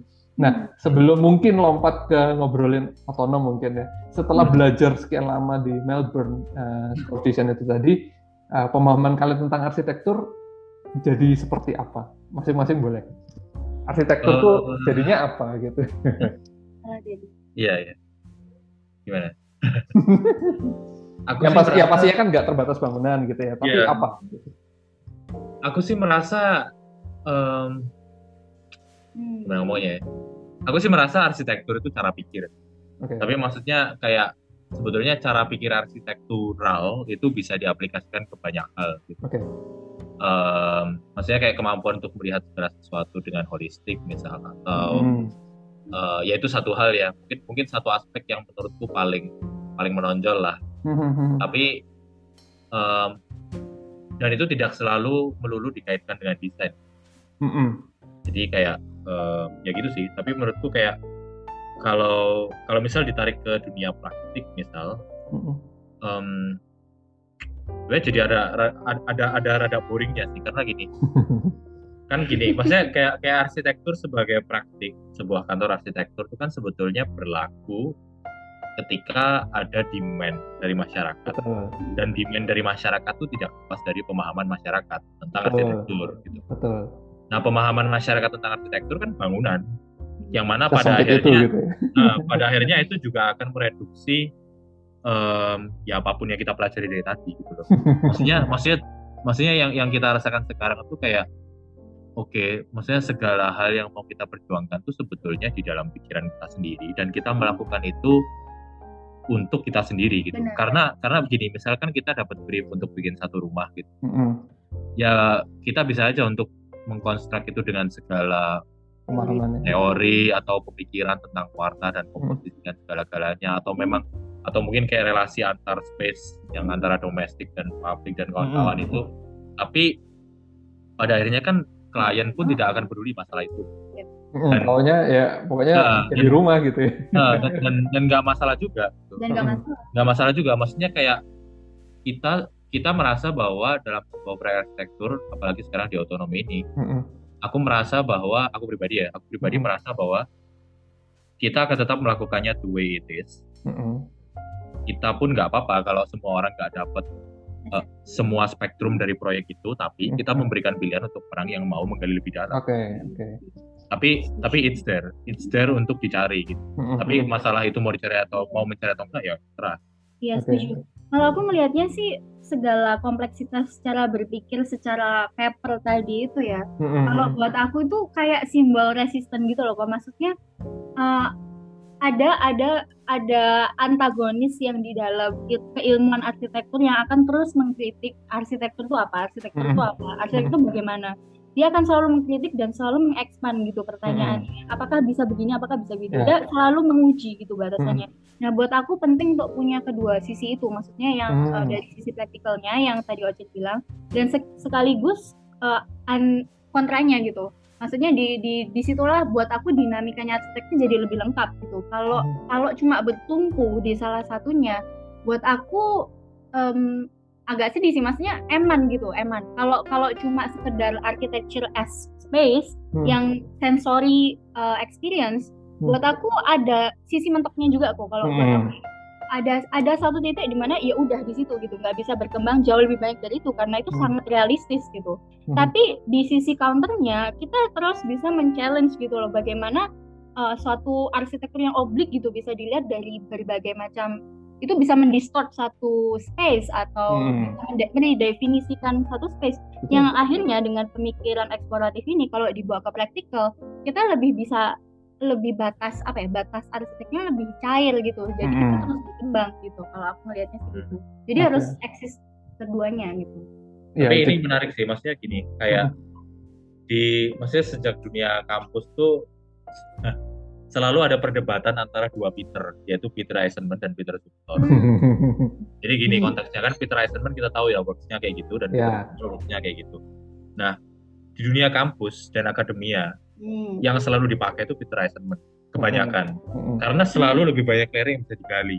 Betul. maksudnya segala aspek dari arsitektur dia dari karya terbangun sampai ke semua aspek yang lebih kecil kayak representasinya Hmm. gambar maket Hmm. diagram dan kawan-kawan tuh semuanya bisa dipelajari didekonstruk dan dipelajari ulang dan di dan dipertanyakan Mm. minimal kalau kita bicara karyanya Zumthor kan sebenarnya sangat sensory based ya yang Betul. indah indah Hmm. aku nggak bisa menolak bahwa itu dan memang sangat immediate dan sangat bagus Iya. maksudnya kayak immediate effect-nya tuh kenceng banget gitu loh Betul. kayak nggak ada yang mengalahkan taktilitas dari Iya. sesuatu yang terbangun dengan Iya. sempurna gitu loh. Betul. Tapi kan at the end of the day kita itu hidup di sistem kapitalisme yang Hmm. pada akhirnya ya maksudnya apa sih yang lebih mudah dikonsumsi gitu yaitu Ya. heeh. yang tidak bisa didinai bahwa karya sensor lebih mudah dikonsumsi menurut Hmm. dan itu membuat kayak seakan-akan itu tuh ada di dua realm yang berbeda gitu kayak, kayak seakan-akan oke Eisenman itu harusnya hidup di dunia akademik dan Zumthor itu hidup di dunia realis gitu. dan aku merasa itu kayak ironis sih maksudnya kayak harusnya itu sesuatu yang bisa bersandingan satu Hmm. sama lain gitu makanya kalau kalau aku pribadi sih punya satu fascination tersendiri terhadap Rem Koolhaas karena itu karena Oke, oke. karena aku merasa itu itu blend yang sehat antara Titik, titik seimbang yang baik ya. iya maksudnya dia ya kita tahu kalau dia seperti itu ya maksudnya dari segala karya dan pluralismenya tapi at the same time karyanya juga tidak lepas dari taktilitas itu meskipun Hmm. taktilitasnya itu tidak bisa diterima semua orang ya ya Ya, ya. Oke, Em, menarik banget sih. Maksudnya tadi dengan berbagai macam pemahaman yang em, ada ada demand juga ya yang kemudian mungkin somehow mendrive sebuah praktek arsitektur ke arah tertentu. Dan kalian dengan keyakinan dan apa ya let's say pemahaman yang sudah meluas tadi dengan pengalaman di Melbourne itu em, kan ibaratnya em, pilihan ya antara mau ya udah ikut arus gitu. Atau ya sebenarnya eh, berdiri kuat tapi sambil mungkin tetap eh, memperhatikan arusnya ke mana gitu ya istilahnya. Iya. Eh, dengan struktur berpikir yang baru terus kemudian dengan apa ya kebiasaan untuk eksploratif dan lain sebagainya uh, sedikit banyak kan uh, tertanamnya juga ya lewat karya-karya kalian kalau dilihat um, begitu apa ya kuatnya nggak uh, tahu ya menurutku pribadi ya kalau melihat karya-karya kalian di otonom hmm. uh, arsitekturnya itu sebenarnya um, banyak yang mendefine ulang sesuatu banyak yang kemudian uh, berangkat dari sesuatu yang basic yang banyak orang nggak sadari dan segala hmm. macamnya uh, itu rasanya uh, cerminan dari hasil uh, pembelajaran itu tadi. Uh, hmm. Tapi kalau kita bicara spesifik ke otonom gitu ya, hmm. uh, tadi kan uh, Rico juga bilang uh, di drive by demand gitu, berarti harus ada ekosistem yang, uh, bukan manja ya sebenarnya, bukan berarti menuntut pasar yang uh, sesuai sama kita tentunya. Yeah, nah uh. dengan ketidakseimbangan itu tadi gitu ya, uh, hmm. ini ada di mana dan mungkin ngulik sedikit ya filosofinya apa sih sebenarnya otonomi ini? Ya, sebenarnya sih kalau kalau otonomi ini ya di titik ini tuh sebenarnya masih struggling karena karena kan uh, ya terang saja maksudnya objektifnya kita berpraktik tujuannya adalah membangun. Gitu. Mm-hmm. Aku dalam hal ini aku sangat sepragmatis itu, maksudnya yeah. kayak aku punya dua kacamata yang berbeda dalam artian kalau kalau masalah berkarya mm-hmm. uh, ya itu tadi yang melihat keterbangunan gitu ya yang lebar tapi kalau sudah berpraktik aku tetap ingin membangun gitu mm. maksudnya kan tetap tidak ada yang bisa mengalahkan proyek terbangun gitu yeah. efeknya gitu mm -hmm. nah itu struggling sih maksudnya kayak um, ya mungkin kita belum nemu konteks yang pas gitu. Mm. maksudnya kan apalagi proyek terbangun pertama sebuah kantor itu kan um, banyak banget ya faktornya. Orang belum punya trust karena kita belum ada karya terbangun. Ya meskipun aku ada karya terbangun sebelumnya, tapi belum atas nama otonom dan itu berakhir tidak terpakai gitu. Tapi aku pun merasa ya meskipun itu lumayan lumayan mencerminkan cara pikirku, tapi still maksudnya uh, wider public tidak tahu itu. Gitu. Jadi uh, ya itu kan sebenarnya marketing tool juga ya, maksudnya proyek terbangun itu. Maksudnya se semuluk-muluknya kita bicara tentang teori dan macam-macam ini hmm. orang baru bisa kayak oh gini toh ketika hmm. ada proyek terbangun gitu hmm. dan nah, beroperasi ya? dan beroperasi gitu hmm. dan sebenarnya dari dari awal 2020 tuh ya kita ada beberapa uh, calon klien tapi hmm. Karena pandemi sih hmm. waktu itu waktu awal Maret tahun lalu itu ya semua langsung cancel sih. Jadi hmm. nah itu sebenarnya kickstart uh, rantai kompetisi yang terus berjalan di otomotif karena karena waktu itu aku inget kayak kayak begitu Februari masuk ke Indonesia kita sudah ada calon klien. Ada satu renovasi ruko itu um, tapi kemudian karena covid semuanya langsung cancel. Nah jadi kita dorman berapa bulan terus kita lihat September yang pertama itu Marian Center itu. Nah tapi sejak itu sampai sekarang sih nggak ke mana-mana? nggak ke mana-mana. Maksudnya ada oh. ada ada ada yang tanya apa bisa desain ini? Apa bisa desain ini? Ya ya bisa bisa bisa. Tapi kayak nggak ada yang berujung jadi satu real project itu sih. Jadi, jadi masih mencari dalam hal itu okay. uh, eh, dan itu juga yang melahirkan Otana Generating Archive. Benar. karena karena gini karena karena ya kita tahu kalau arsitektur itu bisnis yang sangat lambat mm -hmm. bisnis slow pace ya jadi ya kita kita mencari uh, cabang lain yang yang cycle-nya lebih cepat. Ini ini ini ini agenda yang sangat pragmatis. Maksudnya agenda kita ya. ya kita butuh survive. Kita butuh survive, tapi yeah. di saat yang bersamaan bagaimana caranya itu masih bisa ngeling ke otonom. Okay. Itu, itu sebenarnya langkah yang strategik sih kok, pasti. Hmm. Kalau dari otonom sendiri, aku aku udah nggak tahu secara aku tadi kan udah sempat bilang aku masih mencari Olivia hmm dunia arsitektur ini siapa gitu ya. dan dan aku pun belum aku masih shock dengan dinamikanya untuk leading a company of hmm. my own gitu hmm. on my own uh, dan di sana aku melihat uh, apa ya aku butuh satu hal yang jauh lebih stabil dan fast pace gitu hmm. dan dan itu satu hal yang akan selalu diperlukan orang setiap hari hmm. um, maksudnya regardless um, trend regardless hmm. tren orang masih tetap butuh itu dan ini otanam ya maksudnya iya ini otanam okay. maksudnya dan aku punya kapabilitas atau ketertarikan sedikit banyak dalam bidang tersebut gitu nah okay. itulah lahir otanam gitu karena hmm. uh, sayur sih awalnya awalnya sebenarnya dari sayur gitu hmm. tanam menanam sayur tanam hmm. gitu dan sayur sendiri ini aku melihatnya sebagai bentuk ketahanan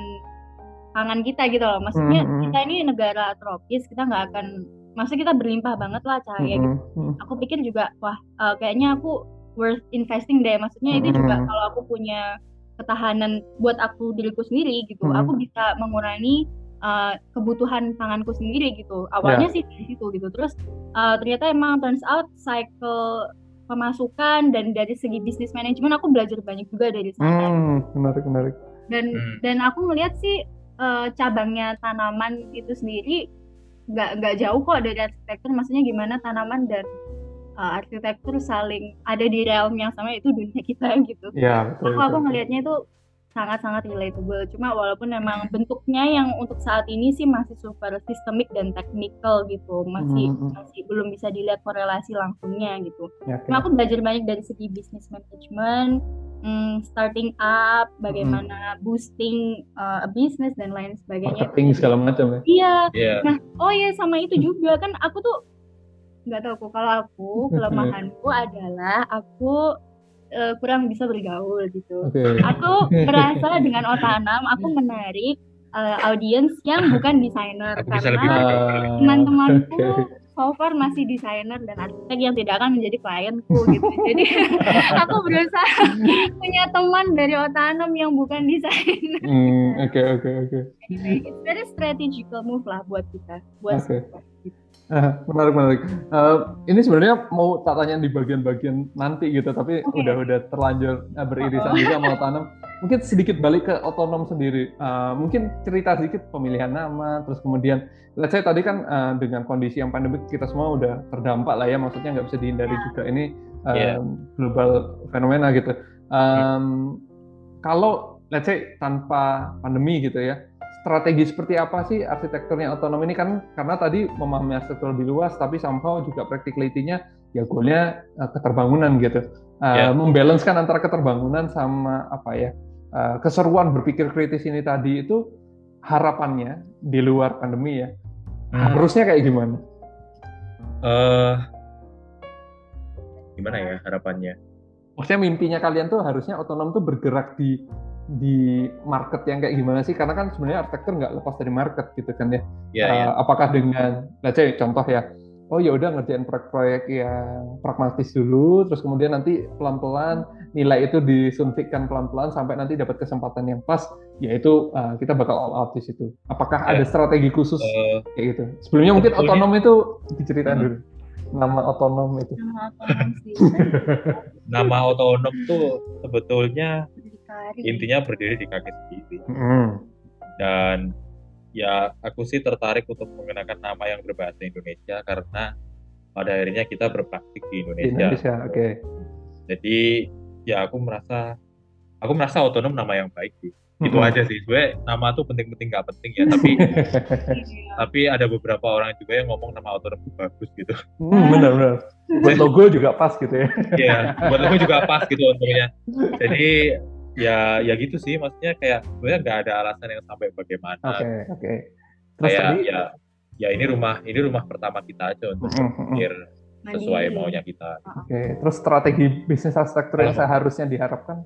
Hmm. Sebenarnya sih kalau di awal itu ya ya sampai sekarang sih. Sampai sekarang kita nggak membatasi ke satu Tipologi tertentu gitu ya? tipologi Iya. tertentu. Tapi menurutku di saat yang bersamaan menurutku karya-karya otonom sendiri sudah menyaring jenis audiens seperti apa yang Oke. tertarik. Menurutku ya. Mm-mm. Karena karena gimana ya? Maksudnya kayak satu-satunya cara untuk mengarahkan audiens itu menurutku ya dengan dengan karya Betul. dan dan menurutku di titik ini aku merasa bahwa karya otonom sendiri sudah membentuk satu red line. Tapi kalau ditanya red line itu apa, sebenarnya aku bingung juga ngomongnya apa.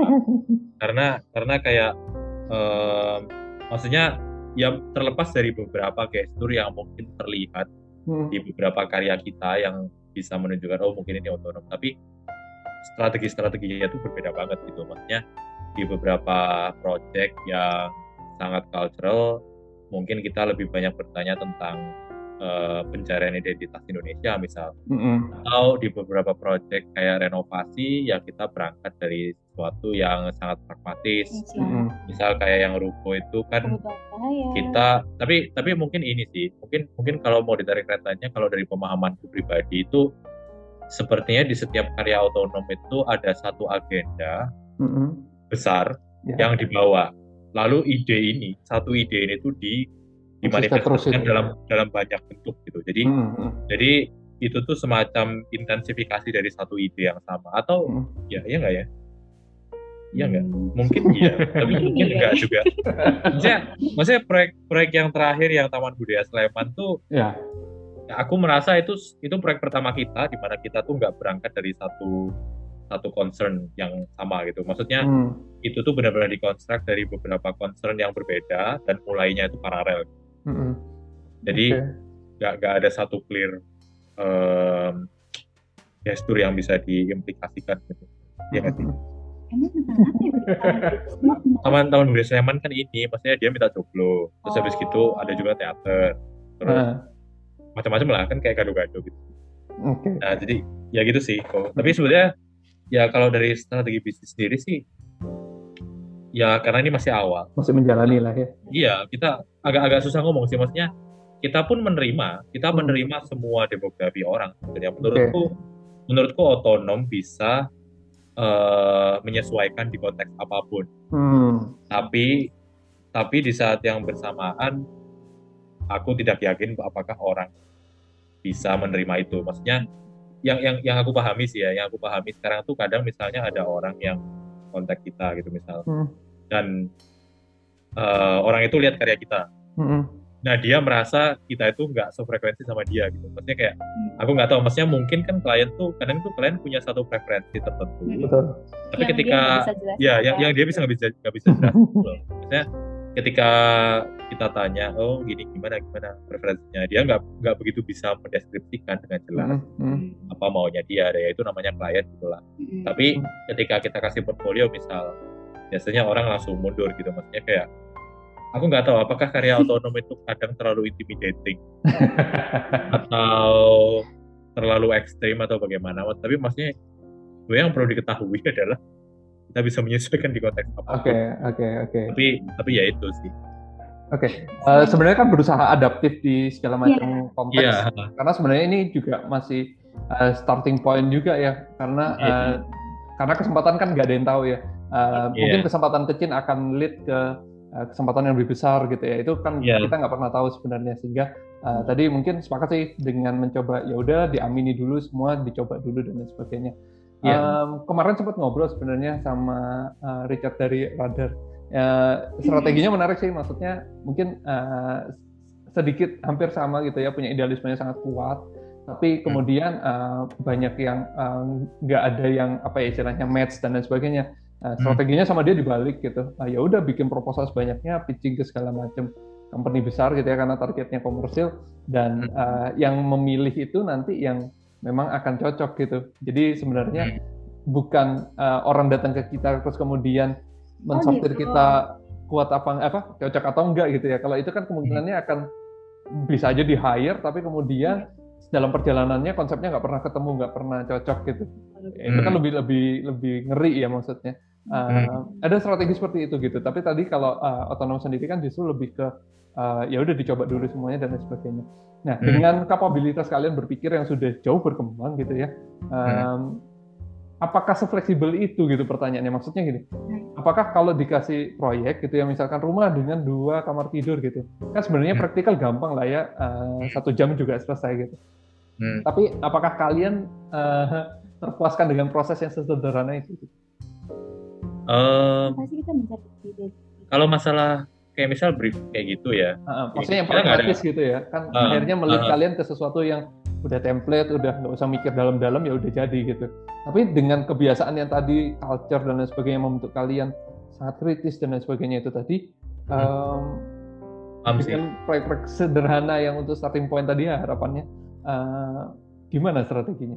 paham sih gini Bikin eh, Iya ya, maksudku gini sih, eh, pola pikir seperti ini tuh bisa diaplikasikan ke proyek dengan skala sebiasa apa pun menurutku Oke. sih.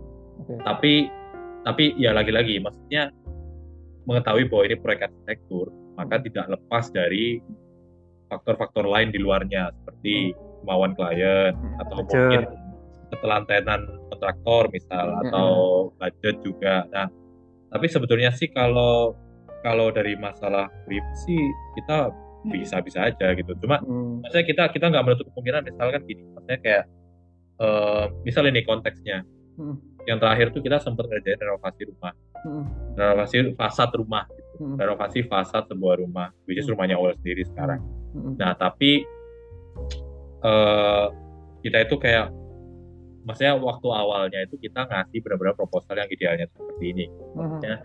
kita benar-benar mencoba untuk melihat peranan fasad di mana dia tuh tidak serta merta bidang dua Iya. dimensi mm, tapi bagaimana dia tuh juga bisa Ada memberikan juga ya. implikasi ke yang beruang gitu mm, mm. ke, ke ruang-ruang di belakangnya. Ya. gitu.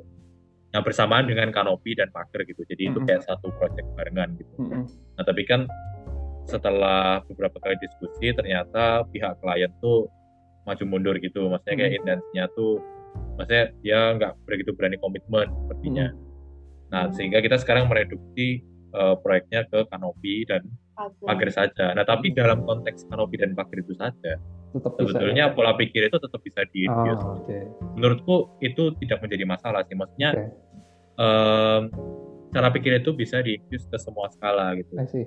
terlepas dari budget pun ya menurutku Mm, sih mm, dengan budget yang sangat rendah pun menurutku Justru kalau kalau mau proyek yang baik bisa tetap dihasilkan gitu maksudnya Betul, boleh yang kita mau cuma tinggal kita pintar-pintarnya aja masih kita bisa sejauh apa mengefisienkan itu semua gitu sih Jadi sebenarnya berpikir dalam tuh nggak sama dengan produknya rumit ya. Sebenarnya produk Nggak, sederhana pun nggak. bisa dilalui dengan proses Iya. yang mendalam gitu ya. iya iya tapi dan tetap butuh kerjasama dari tim-tim yang lain nih gitu. iya Oh, itu Kayak itu juga nggak bisa dipungkiri gitu sih.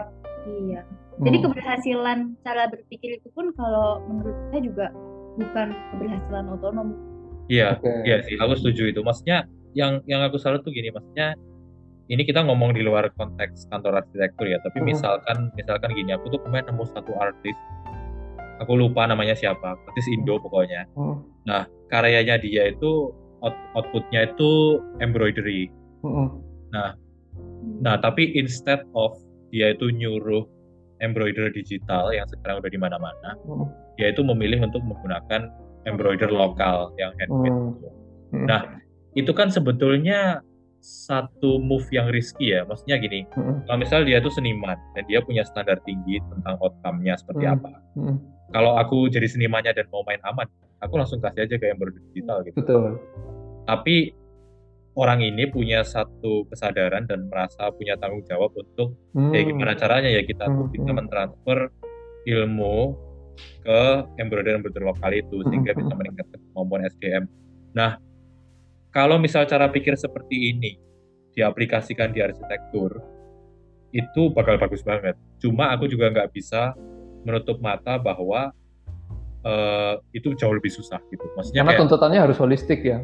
Ke Iya, maksudnya kayak- bahkan ke segala ha, ha, macam. ha. Maksudnya aku merasa kayak eh mis- kalau misal kayak misalnya tadi kan kita ngomong misalnya proyek low budget terus Mm-mm. dia mau tetap bagus gitu. Nah, itu tuh harus temu orang yang tepat gitu loh. Maksudnya kayak orang Mm. yang benar-benar mau eh apa ya? eh, effort lebih banyak, Ya. terus habis waktu lebih banyak. Tapi di saat yang bersamaan juga mungkin in the long run tuh dia punya skill yang lebih banyak untuk bisa dilakukan atau disebarkan ke tukang-tukang lokal misalnya. Nah itu kan itu takes time ya dan kayak butuh kesabaran yang lebih dan butuh cara komunikasi yang Itu lebih. stamina yang lebih juga gitu. Iya iya maksudnya kayak ya itu sih. Maksudnya mungkin aku aku merasa sekarang tuh mungkin itu sebabnya gitu loh. Maksudnya proyek low budget tuh selalu berakhir dengan sesuatu yang yang kurang kurang bisa dinikmati gitu loh Mm-mm. atau atau kurang bisa maksudnya kurang kurang berakhir baik gitu karena tapi kok aku rasa kok lama-lama kok nggak adil juga ya kalau misal shit ternyata kualitas ruang yang baik itu cuma bisa dinikmati orang yang berduit gitu. Hmm, hmm, hmm, hmm. aku merasa itu tuh sangat sangat nggak adil gitu adil, di mana betul. di mana arsitektur harusnya ya selevel dengan sandang dan pangan Betul, kan kebutuhan dasar ya.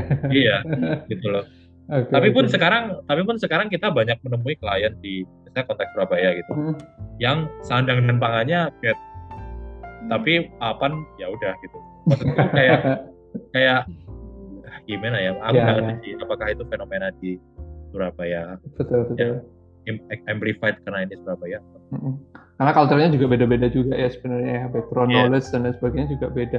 Uh, tadi sepakat sih karena klien itu sebenarnya bukan klien jatuhnya ya harusnya tim untuk memproduksi Iya, uh, project yang bagus gitu ya karena kan upayanya bersama-sama gitu ya walaupun uh, sebenarnya kita yang memproduce tapi kan dia ada peran sertanya ya memberi Uh. brief lah terus kemudian tadi uh, mau menerima pemikiran dan lain sebagainya iya. Um, mungkin lanjut sedikit lagi terkait otonom Um, kalau bagi perannya gimana nih Uh, kalau nggak salah kan tadi uh, awal sangat kuat ke visual sangat Hmm. kuat ke grafis gitu ya uh, mungkin lebih kuat ke hal-hal yang uh, mechanical engineering gitu ya Um, Iya. aku sempat baca beberapa Q&A otonom juga ya ada buat 3D super detail tuh rasanya pasti perannya Ocir kan ya Iya, betul. nah itu itu baginya gimana apakah kalian menyadari ada kekuatan masing-masing terus ya udah deh kita uh, jadi satu gitu Kita ya itu kita menyadari sih kalau ada kekuatan masing-masing. Maksudnya kayak apalagi kalau kalau misalnya kemarin beberapa kali sayembara kan memang ada concern waktu gitu ya. Mm, Ada beberapa sayembara yang perlu dipublish kayak tiga minggu sebelum kumpulan misalnya atau dua minggu bahkan. ya Nah itu kan kita harus apa ya efisiensi. Maksudnya kayak ya waktu waktu waktu mengenerate ideas kita biasanya tandem. Mm-mm. Waktu fase research itu tandem pasti. Hmm. Kayak kita set berapa lama, kita cari beberapa hal yang menarik buat kita berdua, terus ntar ketemu. gitu. Nah, tapi kalau sudah fase pengerjaan ini. Itu sih tergantung sih, maksudnya kayak kayak misalnya saya Petra itu Mm, em, dibagi sih, maksudnya kayak ya pembagiannya simpel, maksudnya kayak aku kerjain dua building, awal satu building sama sisa-sisa kecilnya, maksudnya kayak bangunan miscellaneous di sekitarnya Hmm. gitu. Atau waktu presentasi sih biasanya aku ngurusin masalah eh, rendering dan Mm-mm. kayak misalnya sebagian tag gitu. Mm, terus awal pasti 2D representation karena mm, aku jujur merasa aku pribadi sih kayak Mhm. 2D ku nggak begitu kuat gitu maksudnya kayak mm. awal jauh jauh jauh Ya. jauh lebih kuat masalah itu gitu Oke. jadi kayak ya udah sih kayak gitu sih ya saling mengisi ya sebenarnya ya. ya saya mengisi. apalagi kayak kita sekarang kan memang benar-benar berdua aja ya jadi Mm-mm. kayak harus benar-benar bagi sih kayak kayak misal kita kadang tuh kita kadang tuh beberapa kali sayembara terus habis gitu masih misalnya waktu waktu fase-fase ngerjain presentasi itu kita Hmm. lihat kayak apa sih kantor arsitek lain yang kantor arsitek lain yang udah jauh lebih gede gitu misalnya ya. Story terus ngeliat di story Instagram gitu kan. Kita itu kita itu masih SketchUp atau udah atau misalnya atau misalnya kayak Hamin berapa. Minder sih, minder enggak enggak Hamin Hamin berapa tuh kita udah mulai masukin ke panel dia tuh masih skematik gitu Oh iya benar Mas. Karena- Iya, Oh. karena dia punya orang jauh lebih banyak buat Iya, untuk produksi face-nya dia udah lepas lah ya istilahnya ya udah Iya. jalan sendiri gitu. Teman kalian harus menghandle keseluruhan proses gitu. Jadi Iya. mungkin take time lebih lama perlu distrategikan segala macamnya. Oke, tadi dengan peran yang jelas segala macam tadi itu um, tetap bisa jalan ya idealismenya karena kan tadi ri- uh, research-nya uh, bersama-sama gitu ya untuk starting Iya. point. Yang menarik kan sebenarnya lewat medium sayembara, apalagi sayembara lokal ya yang banyak mengembrace sesuatu yang sifatnya pemikiran, uh, nggak Hmm. melulu bentuk gitu ya. Mungkin itu bisa diapresiasi kuat gitu karena apalagi pilihan-pilihan juri yang apa ya rasanya mungkin juga bakalan mengapresiasi lah proses berpikir untuk menghasilkan desain uh, yang tajam itu juga.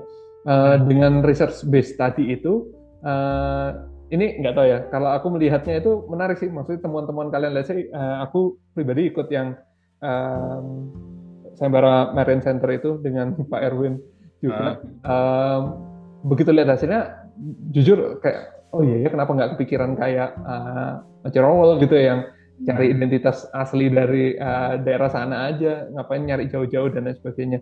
Hmm. Um, proses menemukan hal-hal yang mungkin itu sebenarnya udah ada, tapi banyak orang nggak menyadari itu uh, prosesnya kayak gimana sih? Maksudnya apakah kalian tuh meriset harus sesuatu yang historical? Apakah kemudian uh, proses risetnya kalian tuh kayak gimana sih? Mungkin kalau boleh ceritain. Ini ya for Iya. Mhm. Iya, em, aku kalau garis besarnya sih aku merasa kita merasa bahwa historical research itu masih sangat perlu. Oke. Apalagi di proyek-proyek yang mempertanyakan masalah identitas atau Mhm. cultural lah. Maksudnya kan proyek-proyek cultural itu pasti masalahnya identitas. Ya. Em, kita berdua sih merasa historical itu sangat perlu karena em, dengan research itu itu kita bisa melihat lapisan-lapisan yang biasanya itu tidak terlihat gitu. atau Mhm.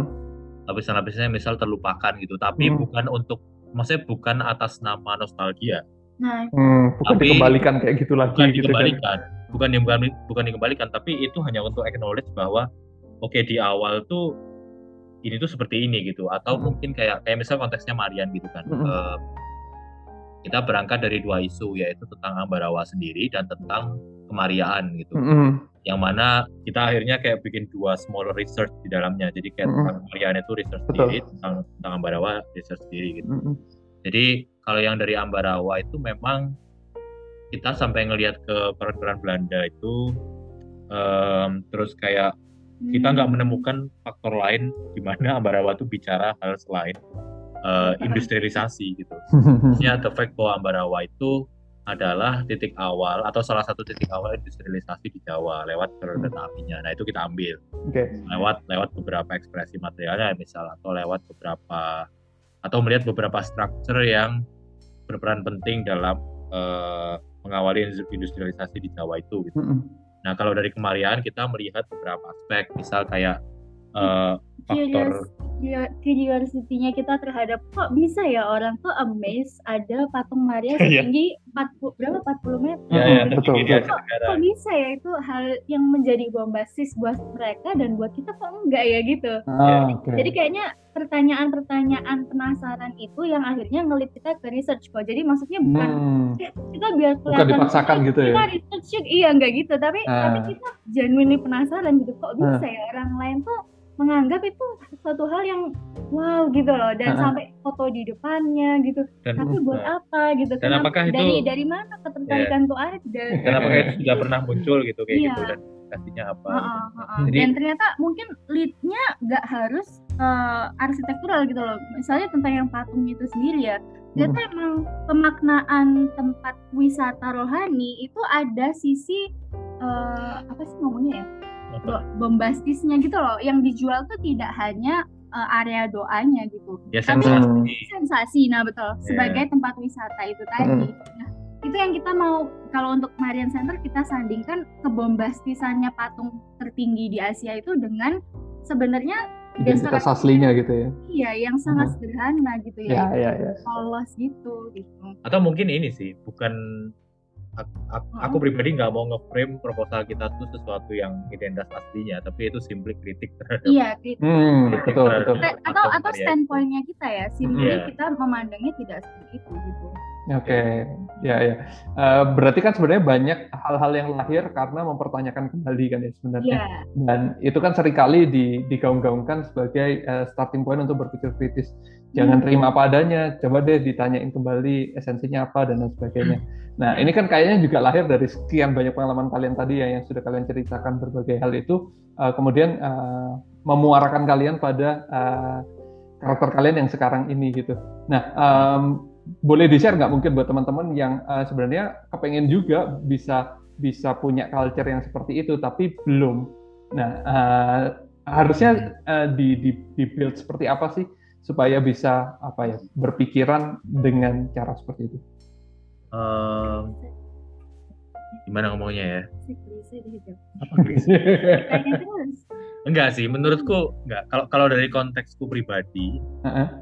pertanyaan-pertanyaan itu muncul dengan sendirinya karena aku orang yang gampang merasa tidak puas. Oke. Aku aku termasuk orang yang maksudnya secara pribadi merasa bahwa banyak hal bisa diimprove gitu. Oke. Dan itu membuatku sering mengkritik Mm-mm. karena memang aku merasa kayak em, banyak hal di dunia ini nggak ideal gitu. Maksudnya kayak Hmm. apa pun itu, maksudnya nggak usah arsitektur, wes. Misalkan Oke. aku naik motor, lalu aku menemukan jalan berlubang, Ya, ya, itu ya. aku Tahu, merasa kayak kenapa kok ini ada lubang di sini gitu. Ah, ah, ah. Itu itu hal-hal yang sangat sehari-hari, tapi itu akhirnya melebar ke banyak hal arsitektur juga gitu, terus termasuk. tapi gimana kalau orangnya emang genuinely positive thinking ayo eh, Nah, nah itu, itu aku juga ayo gimana gimana karena ya? aku merasa di spektrum yang itu gitu tahu-tahu. tapi mungkin kritikal juga ya, cuman kritis tapi kemudian nggak ngapa-ngapain. Oh ya udah kayaknya emang kayak gitu gitu misalkan. Tapi Primo gitu ya iya mungkin Pandu. Tapi kan artinya melihat hal-hal kecil sederhana secara lebih mendalam itu kan sebenarnya nggak nggak terjadi gitu aja kan ya sebenarnya Iya. harus Tapi- harus Iya. dengan Nah, yang set pengalaman gitu. Apakah itu nggak bisa dibentuk gitu? Apakah harus dengan, let's say ya, misalkan untuk bisa berpikir kritis ya harus belajar lebih jauh gitu misalkan, atau harus melihat lebih banyak dan lain sebagainya. Menurutku ini sih kayak berpikiran kritis tuh memang sesuatu yang rada susah untuk ditimbulkan secara ada faktor bawaannya kah? Bukan bukan, maksudnya bukan secara natural, tapi maksudnya gini loh, kayak aku aku pribadi itu tidak pernah sadar kalau aku tuh orang yang kritis sebetulnya. Hmm. Kayak aku tuh nggak pernah meminta di hidupku itu untuk aku jadi kritis gitu loh. tapi tapi sepertinya ternyata didikan orang tuaku membuat aku menjadi ah, kritis. Ah, ah, ah. Nah, berarti kan ada faktor eksternal yang harus yeah. mengkickstart seseorang untuk bisa berpikir kritis gitu loh. Okay. Nah, menurutku di titik ini faktor pendidikan jadi penting. Hmm. Karena kan kayak gimana ya, maksudnya ya oke okay lah kalau misal ada seseorang yang memang tinggal di keluarga yang kritis mm -hmm. orang tuanya atau memang anu ya ya dia dengan sendirinya mungkin terbentuk gitu tapi mm -hmm. kalau misalkan Korea ditanya Bagaimana? Bagaimana dengan anak yang saat ini belum terbiasa berpikir seperti itu? Banyak berdialog kali ya. Mungkin banyak berdialog kali. Kayak Koredi ah. kan dengan Koredi punya podcast. Betul. Bicara dengan tapi, berapa episode nih udah kan. Tapi gini. Punya banyak perspektif yang berbeda gitu. Ah. Tapi wait gini, kemauan untuk berdialog pun itu lahir dari curiosity. Iya betul. betul betul. Sebenarnya Jadi, um, kayak, kan pertanyaannya untuk membangun curiosity itu bawaan nggak ya berarti? Mungkin ada faktor bawaan. Tapi aku, kalau buat aku kok Uh, hmm. tapi ini ini kalau ngomong cheatingnya ya, maksudnya kalau dari dalam kita sendiri sih caranya buat aku banyak bertanya dan banyak berdiskusi gitu. Okay. Tapi kalau buat aku yang paling krusial untuk membentuk pemikiran yang seperti itu pendidikan menurutku jawabannya. Okay. Dan pendidikan kita masih spoon feeding, maksudnya mm. sangat nyuapin gitu. Mm. Ini ya jawabannya ini ya. Mm. Dan benar salah gitu ya. Benar salah ya gitu. Mm. Kalau mau lulus caranya gini ya. Mm. Tapi nggak dibiarkan punya. Uh, iya gitu, nggak punya. Iya. Nggak bisa menempatkan kayak harusnya gimana? Inisiatifnya gimana? Berpikir ke arah mana? Uh, kayak ngambil tanggung jawab yang mana gitu uh, kayak misal apa ya kayak kan dulu waktu aku zaman kuliah gitu atau hmm. atau sampai sekarang kan anak-anak Petra di kampus kita itu kan juga banyak yang uh, oke okay, mereka kuliah di Petra hmm. tapi ada juga beberapa sekian persen yang nggak puas tuh dengan ada yang di Petra terus kayak dia ikut kompetisi lah ikut Betul. apa lah ikut lah gitu ya macam-macam lah pokoknya hmm. nah itu kan maksudnya uh, apa ya maksudnya alangkah baiknya menurutku mm-hmm. kalau misal faktor yang paling gede which is kayak institusi pendidikan ini sendiri yang jadi ibunya itu bisa merangkul gitu, ya. yang di luar gitu loh mm-hmm. jadi kayak itu tuh bisa dialami oleh semakin banyak orang gitu. okay. maksudnya oke okay, aku aku aku memahami kalau banyak orang yang beranggapan kalau udahlah nggak usah nunggu pemerintah udahlah nggak mm-hmm. usah nunggu institusi untuk berpikir seperti itu kita jalan mm-hmm. aja sendiri Iya mm-hmm. betul tapi kayak jalan aja sendirimu itu tidak akan berdampak luas kalau hmm. itu ibu-ibunya itu tidak tidak mau gitu loh. Betul, betul. Kalau misal sekarang gini lah, let's say kita punya di Surabaya kan kapan hari ada ini kayak Indonesia apa ya LRC itu ya 2018 hmm. ya.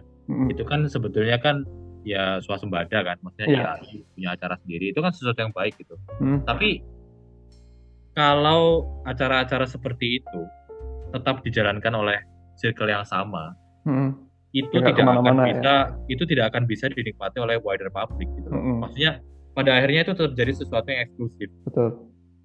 Jadi aku merasa kayak ya gimana ya maksudnya kayak bukannya aku skeptis tapi emang itu kenyataannya gitu. Maksudnya kalau misal kita bandingin dengan pengalaman kita di Melbourne mm -hmm. yang membuat orang itu secara kolektif sadar dan punya level pemahaman yang lebih tinggi itu karena pemerintah dan aspek-aspek di luarnya bekerja sama. ya Iya, jadi kayak semuanya nyadar nih bahwa hal-hal ini matters dan hal-hal ini penting dan hal-hal hmm. ini bisa meningkatkan kualitas hidup mereka. Okay, okay. Karena ada, uh, ada karena dari dari dari governmentnya sendiri itu udah udah udah udah mau untuk eh ini loh ini tuh penting buat kamu. Ya. Uh, Karena kan mereka yang punya akses paling banyak ke masyarakat. Ya, betul. Jadi dua sisi lah ya sebenarnya kalau dari eksternalnya yeah kalau nggak disupport ya ya nggak jalan gitu ya istilahnya kalau yang yeah. kepentingan atau yang punya uh, power gitu nggak nggak membawa Iya. ekosistem ini gitu. Tapi kalau dari internal tadi mungkin jawaban awal juga uh, oke sih. Maksudnya membiasakan diri berdialog, membiasakan diri untuk melihat banyak perspektif gitu. Uh, Iya. Caranya mungkin beda-beda ya. Ada yang magang, ada yang kompetisi, ketemu kompetitor lain, ada Atau yang kok kalau- aku nambahin kok malah eh, berbicara di- berdialog dengan orang yang malah oposisi kok kalau betul betul. yang sekali. paling signifikan ya kok ya kalau Uh, Hmm. karena tahu sudut pandangnya dia ya, jadinya kita nggak lagi Iya. kotak di sini gitu ya. Jadi lebih Jadi luas. ter- terbiasa dengan disagreement gitu loh kok maksudnya jangan sampai terus setuju semuanya gitu justru Hmm. ketidaksetujuannya yang harusnya menghasilkan sesuatu yang berbeda gitu banget. Dengan disagreement itu kan tadi sebenarnya mengcounter kepercayaan diri kita sendiri. Apa ya Iya, benar ya yang tak Iya. percaya gitu kan ya sebenarnya. Iya, kayak kayak men-challenge uh, kepercayaan kita sendiri gitu. Oke oke.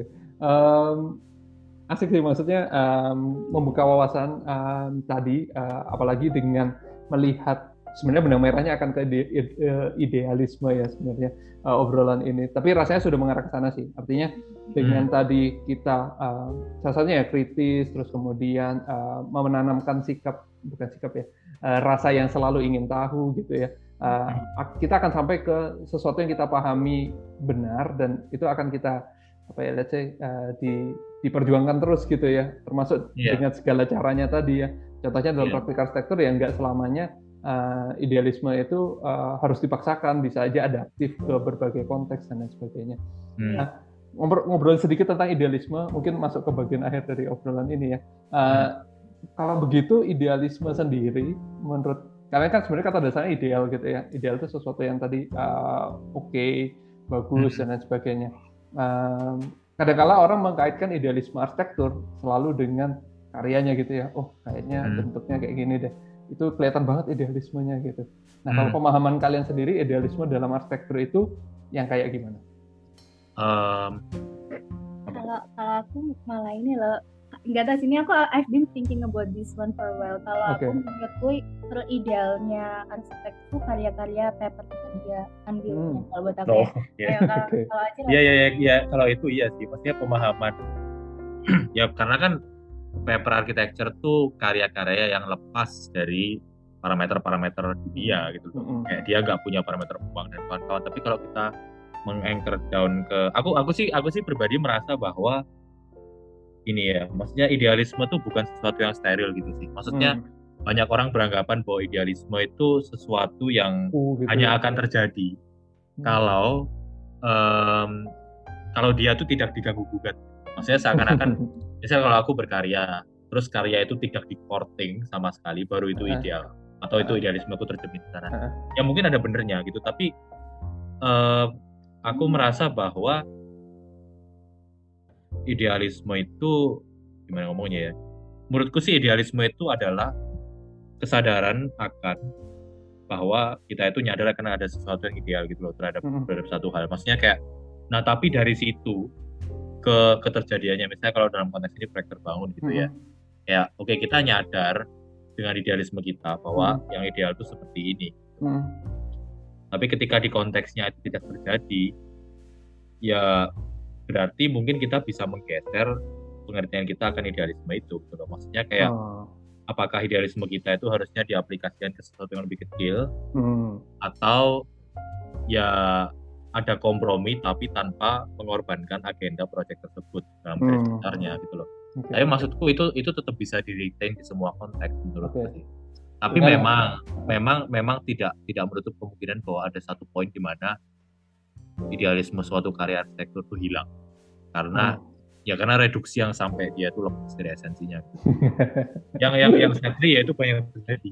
makanya unbuild yang paling ideal itu Iya iya, Iya, benar. pertanyaannya kan idealisme ya ini bukan ya itu memang titik di mana itu paling ideal, tapi kayak iya iya emang tidak terbantahkan Tapi kalau idealnya kacamatanya eh, survival terus kemudian sustain itu kan berarti Iya, iya. tadi kacamata Ocer lebih pas ya maksudnya eh, Iya, iya. idealisme versi sempurna unbuilt tapi idealisme versi yang eh, hidup mungkin ya eh, adalah yang yang dapat menyesuaikan diri dengan berbagai kondisi mungkin. menurutku iya sih. Iya, walaupun itu tadi suntikan-suntikan, uh, let's say pekerjaan-pekerjaan kecil, tapi nilai-nilainya pelan-pelan di ini ya, pelan-pelan disuntikan, lama-lama kalau pas dapat kesempatan yang pas bisa all Iya. out gitu ya. Jadi sebenarnya ya konsisten dan Iya. persistensi itu mungkin salah satu kuncinya juga ya untuk uh, Hmm. bisa apa ya me- menerapkan idealisme ya. Walaupun sebenarnya Hmm. idealisme nggak berarti nggak harus selalu ke karakter bangunannya ya. Hmm. Bisa aja Iya. bangunannya uh, bentuknya benar-benar sederhana tapi prosesnya Hmm. tapi kemudian researchnya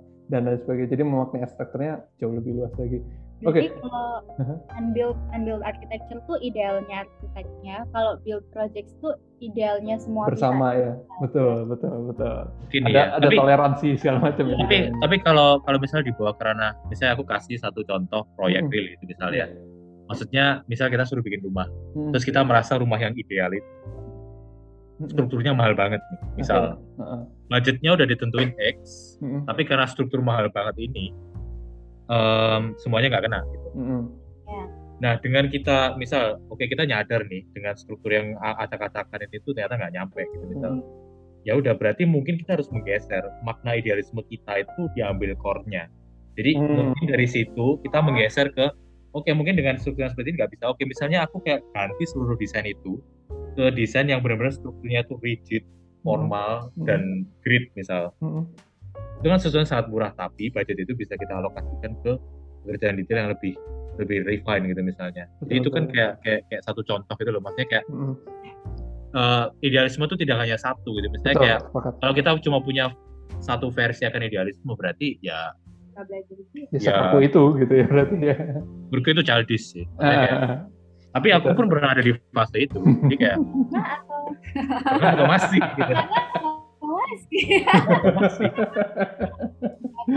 Masih terus belajar lah. masih terus belajar itu constant learning. Jangan sampai nggak belajar lah. Hmm. Iya. Terus ya, Pak, bahkan sebenarnya tadi proses uh, me- mencairkan idealisme itu salah satu outputnya kan otanam sama Nah, Theoretic archive itu tadi kan ya. iya. Walaupun sebenarnya nggak bersentuhan sama arsitektur, tapi ya uh, ini jadi proses pembelajaran yang Iya. di aspek yang lainnya ya dengan uh, menggeser idealismenya itu tadi. Mungkin Iya. otaknya itu yang otonom tadi sempat dibahas nih. Nah, mungkin satu yang Theoretic archive ini uh, apa sih? Ah. Boleh ceritain? Sebenarnya ide tentang Heretic Archive itu udah ada dari akhir 2019. Mm-mm. Tapi ya karena berbagai macam hal itu jadi kayak terbengkalai untuk hal cukup lama gitu. Maksudnya Hmm. aku udah nentuin namanya tapi waktu itu bikin account terus tak tinggal gitu. Kayak Hmm. nggak ada logo, nggak ada konten, nggak ada Ya. apa-apa nol dan nol nol nol gitu. Mm-mm. Tapi sekarang kan kita udah mulai rada kosong Mm-mm. karena nggak ada apa-apa di Hmm. otonom. Eh, ya aku merasa punya waktu untuk men- mengenerate itu. Tapi sebenarnya dari awal tuh aku mengkonsep Erratic Archives itu sesuai namanya. Erratic itu tidak ada polanya, Mm-mm. archives ya arsip. gitu. Jadi Mm. Em, aku pribadi punya ketertarikan di foto Mm-mm. dan kita berdua secara kolektif punya ketertarikan juga untuk mengeksplor segala hal yang dua dimensi. Kalau awal ya. sih ada beberapa painting, ada beberapa dino cuts, Mm. terus ada beberapa drawing juga. Mm. Aku juga kadang painting, terus Hmm. kayak beberapa aspek dari otonom menurutku em, apa ya? dalam medium yang lain. Ah, maksudnya beberapa beberapa representasi otonom menurutku cukup kuat untuk dieksplor lebih jauh dalam hal representasi 2D gitu sih. Jadi Mm-mm. aku rasa Erratic Archive itu rumah untuk eh, dari otonom yang eh, berbau dua dimensi. Meskipun eh, tidak selalu terkait dengan arsitektur gitu. Cuma sih Oke. Ada kemungkinan di masa depan ya dia jadi kayak application side wing-nya aja dari Mm-mm. otonom juga gitu. akan beririsan juga nantinya ya. eh, mungkin kayak beberapa booklet atau beberapa research kita itu bisa kita rilis di sana dalam bentuk printed atau eh, written secara digital atau nggak tahu masih belum tahu sih.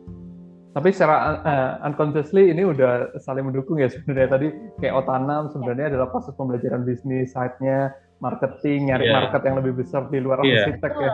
Kalau sibuk Um. sama otonom terus jatuhnya ya temenannya marketing lagi arsitek lagi gitu ya. Iya, iya.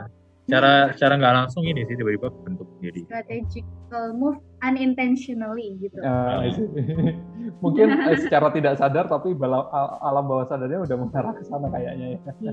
Iya, iya iya Sepertinya iya sih. Karena dari awal kan memang kita dari awal tuh memang kita berusaha untuk mengkonsep otonom sebagai satu kantor arsitektur yang tidak steril gitu maksudnya Hmm. kayak Hmm. kita kita berpraktik iya tapi kita nggak akan meninggalkan fascination kita terhadap hal-hal yang berbau seni gitu jadi Oke. kayak atau mengulik lah atau mengulik lah paling nggak apakah apakah mengulik ini itu bakal ter- terkait ke satu proyek arsitektur atau lepas sepenuhnya misal Oke. jadi em, nah awalnya sih mau dirumahkan di satu otonom itu tapi kayak Hmm. Lama kelamaan kok apa nggak bikin setting aja ya, ya, betul. ya gitu sih lebih lebih lebih cair juga ya sebenarnya kalau lepas dari otonom uh, Iya, ha. dan dan sangat bisa dipulangkan kembali ke otonom sebenarnya nanti suatu saat. iya Oke, Eh, masuk part terakhir dari obrolan ini mungkin ada yang mau ditambahkan, Mati Rowell, silakan. Terkait idealisme boleh, terkait pesan-pesan arsitektur boleh, terkait pesan-pesan di luar arsitektur juga boleh. apa ya em, mungkin sih oh promosi otonom mana Boleh, boleh silakan.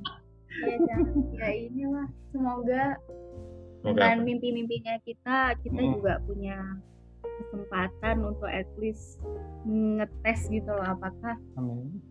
iya di dunia terbangun itu bisa berjalan Amin, amin. karena buat aku sih se idealis idealisnya otonom kalau tidak ada kesempatan juga nggak hmm. Nanti involves teman-teman di luar.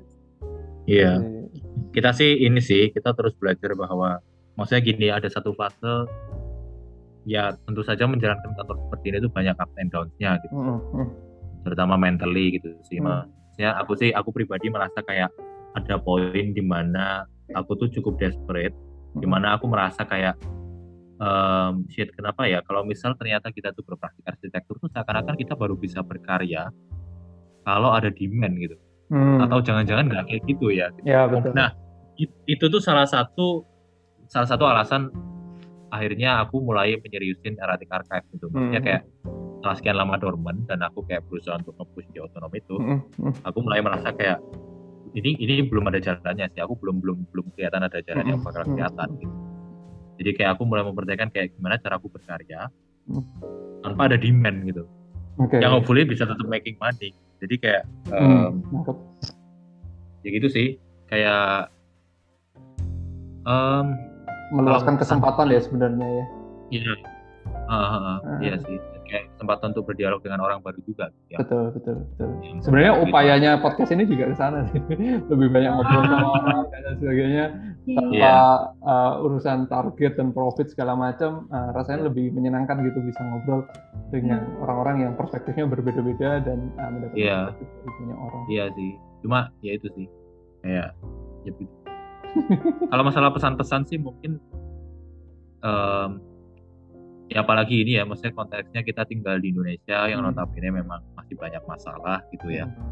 Kalau ya bagi siapa pun yang masih belajar arsitektur atau tertarik untuk mendalami lebih jauh di arsitektur atau ingin berpraktek dalam waktu dekat atau sedang berpraktek ya ya ini sih ya pertanyakan aja maksudnya kayak em, apa agenda kalian dalam menjalankan itu dan pertama-tama sih apakah kalian konten dalam melakukan itu? Mm, tapi yang kedua kalau kalian konten melakukan itu sih em, yaitu apa agenda kalian dalam melakukan itu gitu sih. Terhadap konteks Indonesia yang sebetulnya masih banyak banget yang bisa digali dan bisa diperbaiki. Mungkin lebih ke visi dan peran ya. Uh, visinya apa dan akan berperan sebagai apa itu kalau Iya. disadari dari awal mungkin lebih jelas Iya. gitu ya, clear Uh, gitu ya. Eh, meskipun meskipun visi dan peran itu kan ya tidak harus selalu terdefine dengan jelas Betul, betul. Iya, cair ya kalau-. Hmm. kalau lost pun seperti saya juga mungkin maksudnya aku encourage juga kok teman-teman di luar Iya, sana iya. yang masih lost bahwa bahwa mungkin tuh malah ngelit kita ke jalan-jalan lain yang kita Betul. belum belum tahu gitu. Mm. Oke, lost is a place to be. Ya benar. benar. Karena eh, kesasar itu juga eh, perjalanan ya sebenarnya. Iya. Oke, eh, mungkin boleh dimention uh, Oce Rawol apa aja tadi udah banyak banget ya otonom, otanam, mungkin sosmednya, tips sosmednya awal.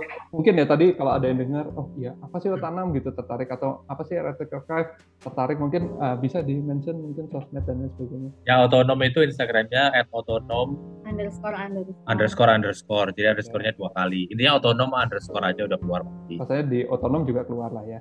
Iya. Oke. Otonom ad- ada ya. Oh, dia Kalau kalau kalau cari otonom ada itu kemarin aku nemu band namanya otonom. kesel ya? Kesel Iya. mau pakai gitu. Enggak itu setelah kita waktu waktu Oh, Oh iya. username otonom itu otonom doang itu belum ada. Oh iya. Iya. Mendingan otonom doang ya. Enggak enggak. Eh, otonom otonom doang itu ada, tapi orang terus kayak gak aktif gitu loh. Jadi kayak Kesel Oke. ya? kesel sih rasanya kayak shit. Ini ngalamin juga sih sebenarnya. Jadi kayak jadi kayak ada jadi kayak ada ada ada double underscore-nya. Oke. Kalau Ya. Erratic Archives itu yaitu sama at Erratic Vibes Archives pakai S ya belakangnya ya. pakai VS eh, Heeh. itu double underscore juga Otanam Mm. juga jadi semuanya double underscore Oke. terus Otanam Erratic Archive Sih. Oke. Terus kalau sosmed Oce Rowo boleh dimention sekalian. Riko Wirawan dan Little O Iya. Oke. Ya sih. Um, thanks a lot, Ocer, Owel, Ya. obrolannya seru sekali. Eh, aku pribadi mendapatkan wawasan yang berlipat ganda gitu ya rasanya dengan cerita kalian, dengan pengalaman kalian. Eh, semoga sukses selalu, semoga eh, kesempatan-kesempatan yang eh, align sama Sama. semangatnya otonom eh, makin banyak, makin Amin. berdatangan gitu ya. Amin. tetap semangat, tetap jaga stamina sih karena ya sama-sama Iya. kita tahu sebenarnya arsitektur long run ya. Eh, Iya. perjalanan yang tidak pendek gitu ya. Ah, iya, betul. betul betul Thanks a lot Acir Awal. Eh, Ya. sampai ketemu di kesempatan yang lain lagi. Eh, Ya. Terima kasih banyak sama-sama sampai ketemu semuanya Ya. Sampai ketemu lagi. Yuk. Eh, thank you teman-teman. Kita sampai di akhir obrolan ini. Kita akan ketemu lagi di episode yang lain dengan kesempatan yang lain lagi, tamu yang lain lagi. Eh, kita akan bertemu eh, di episode berikutnya. Terima kasih.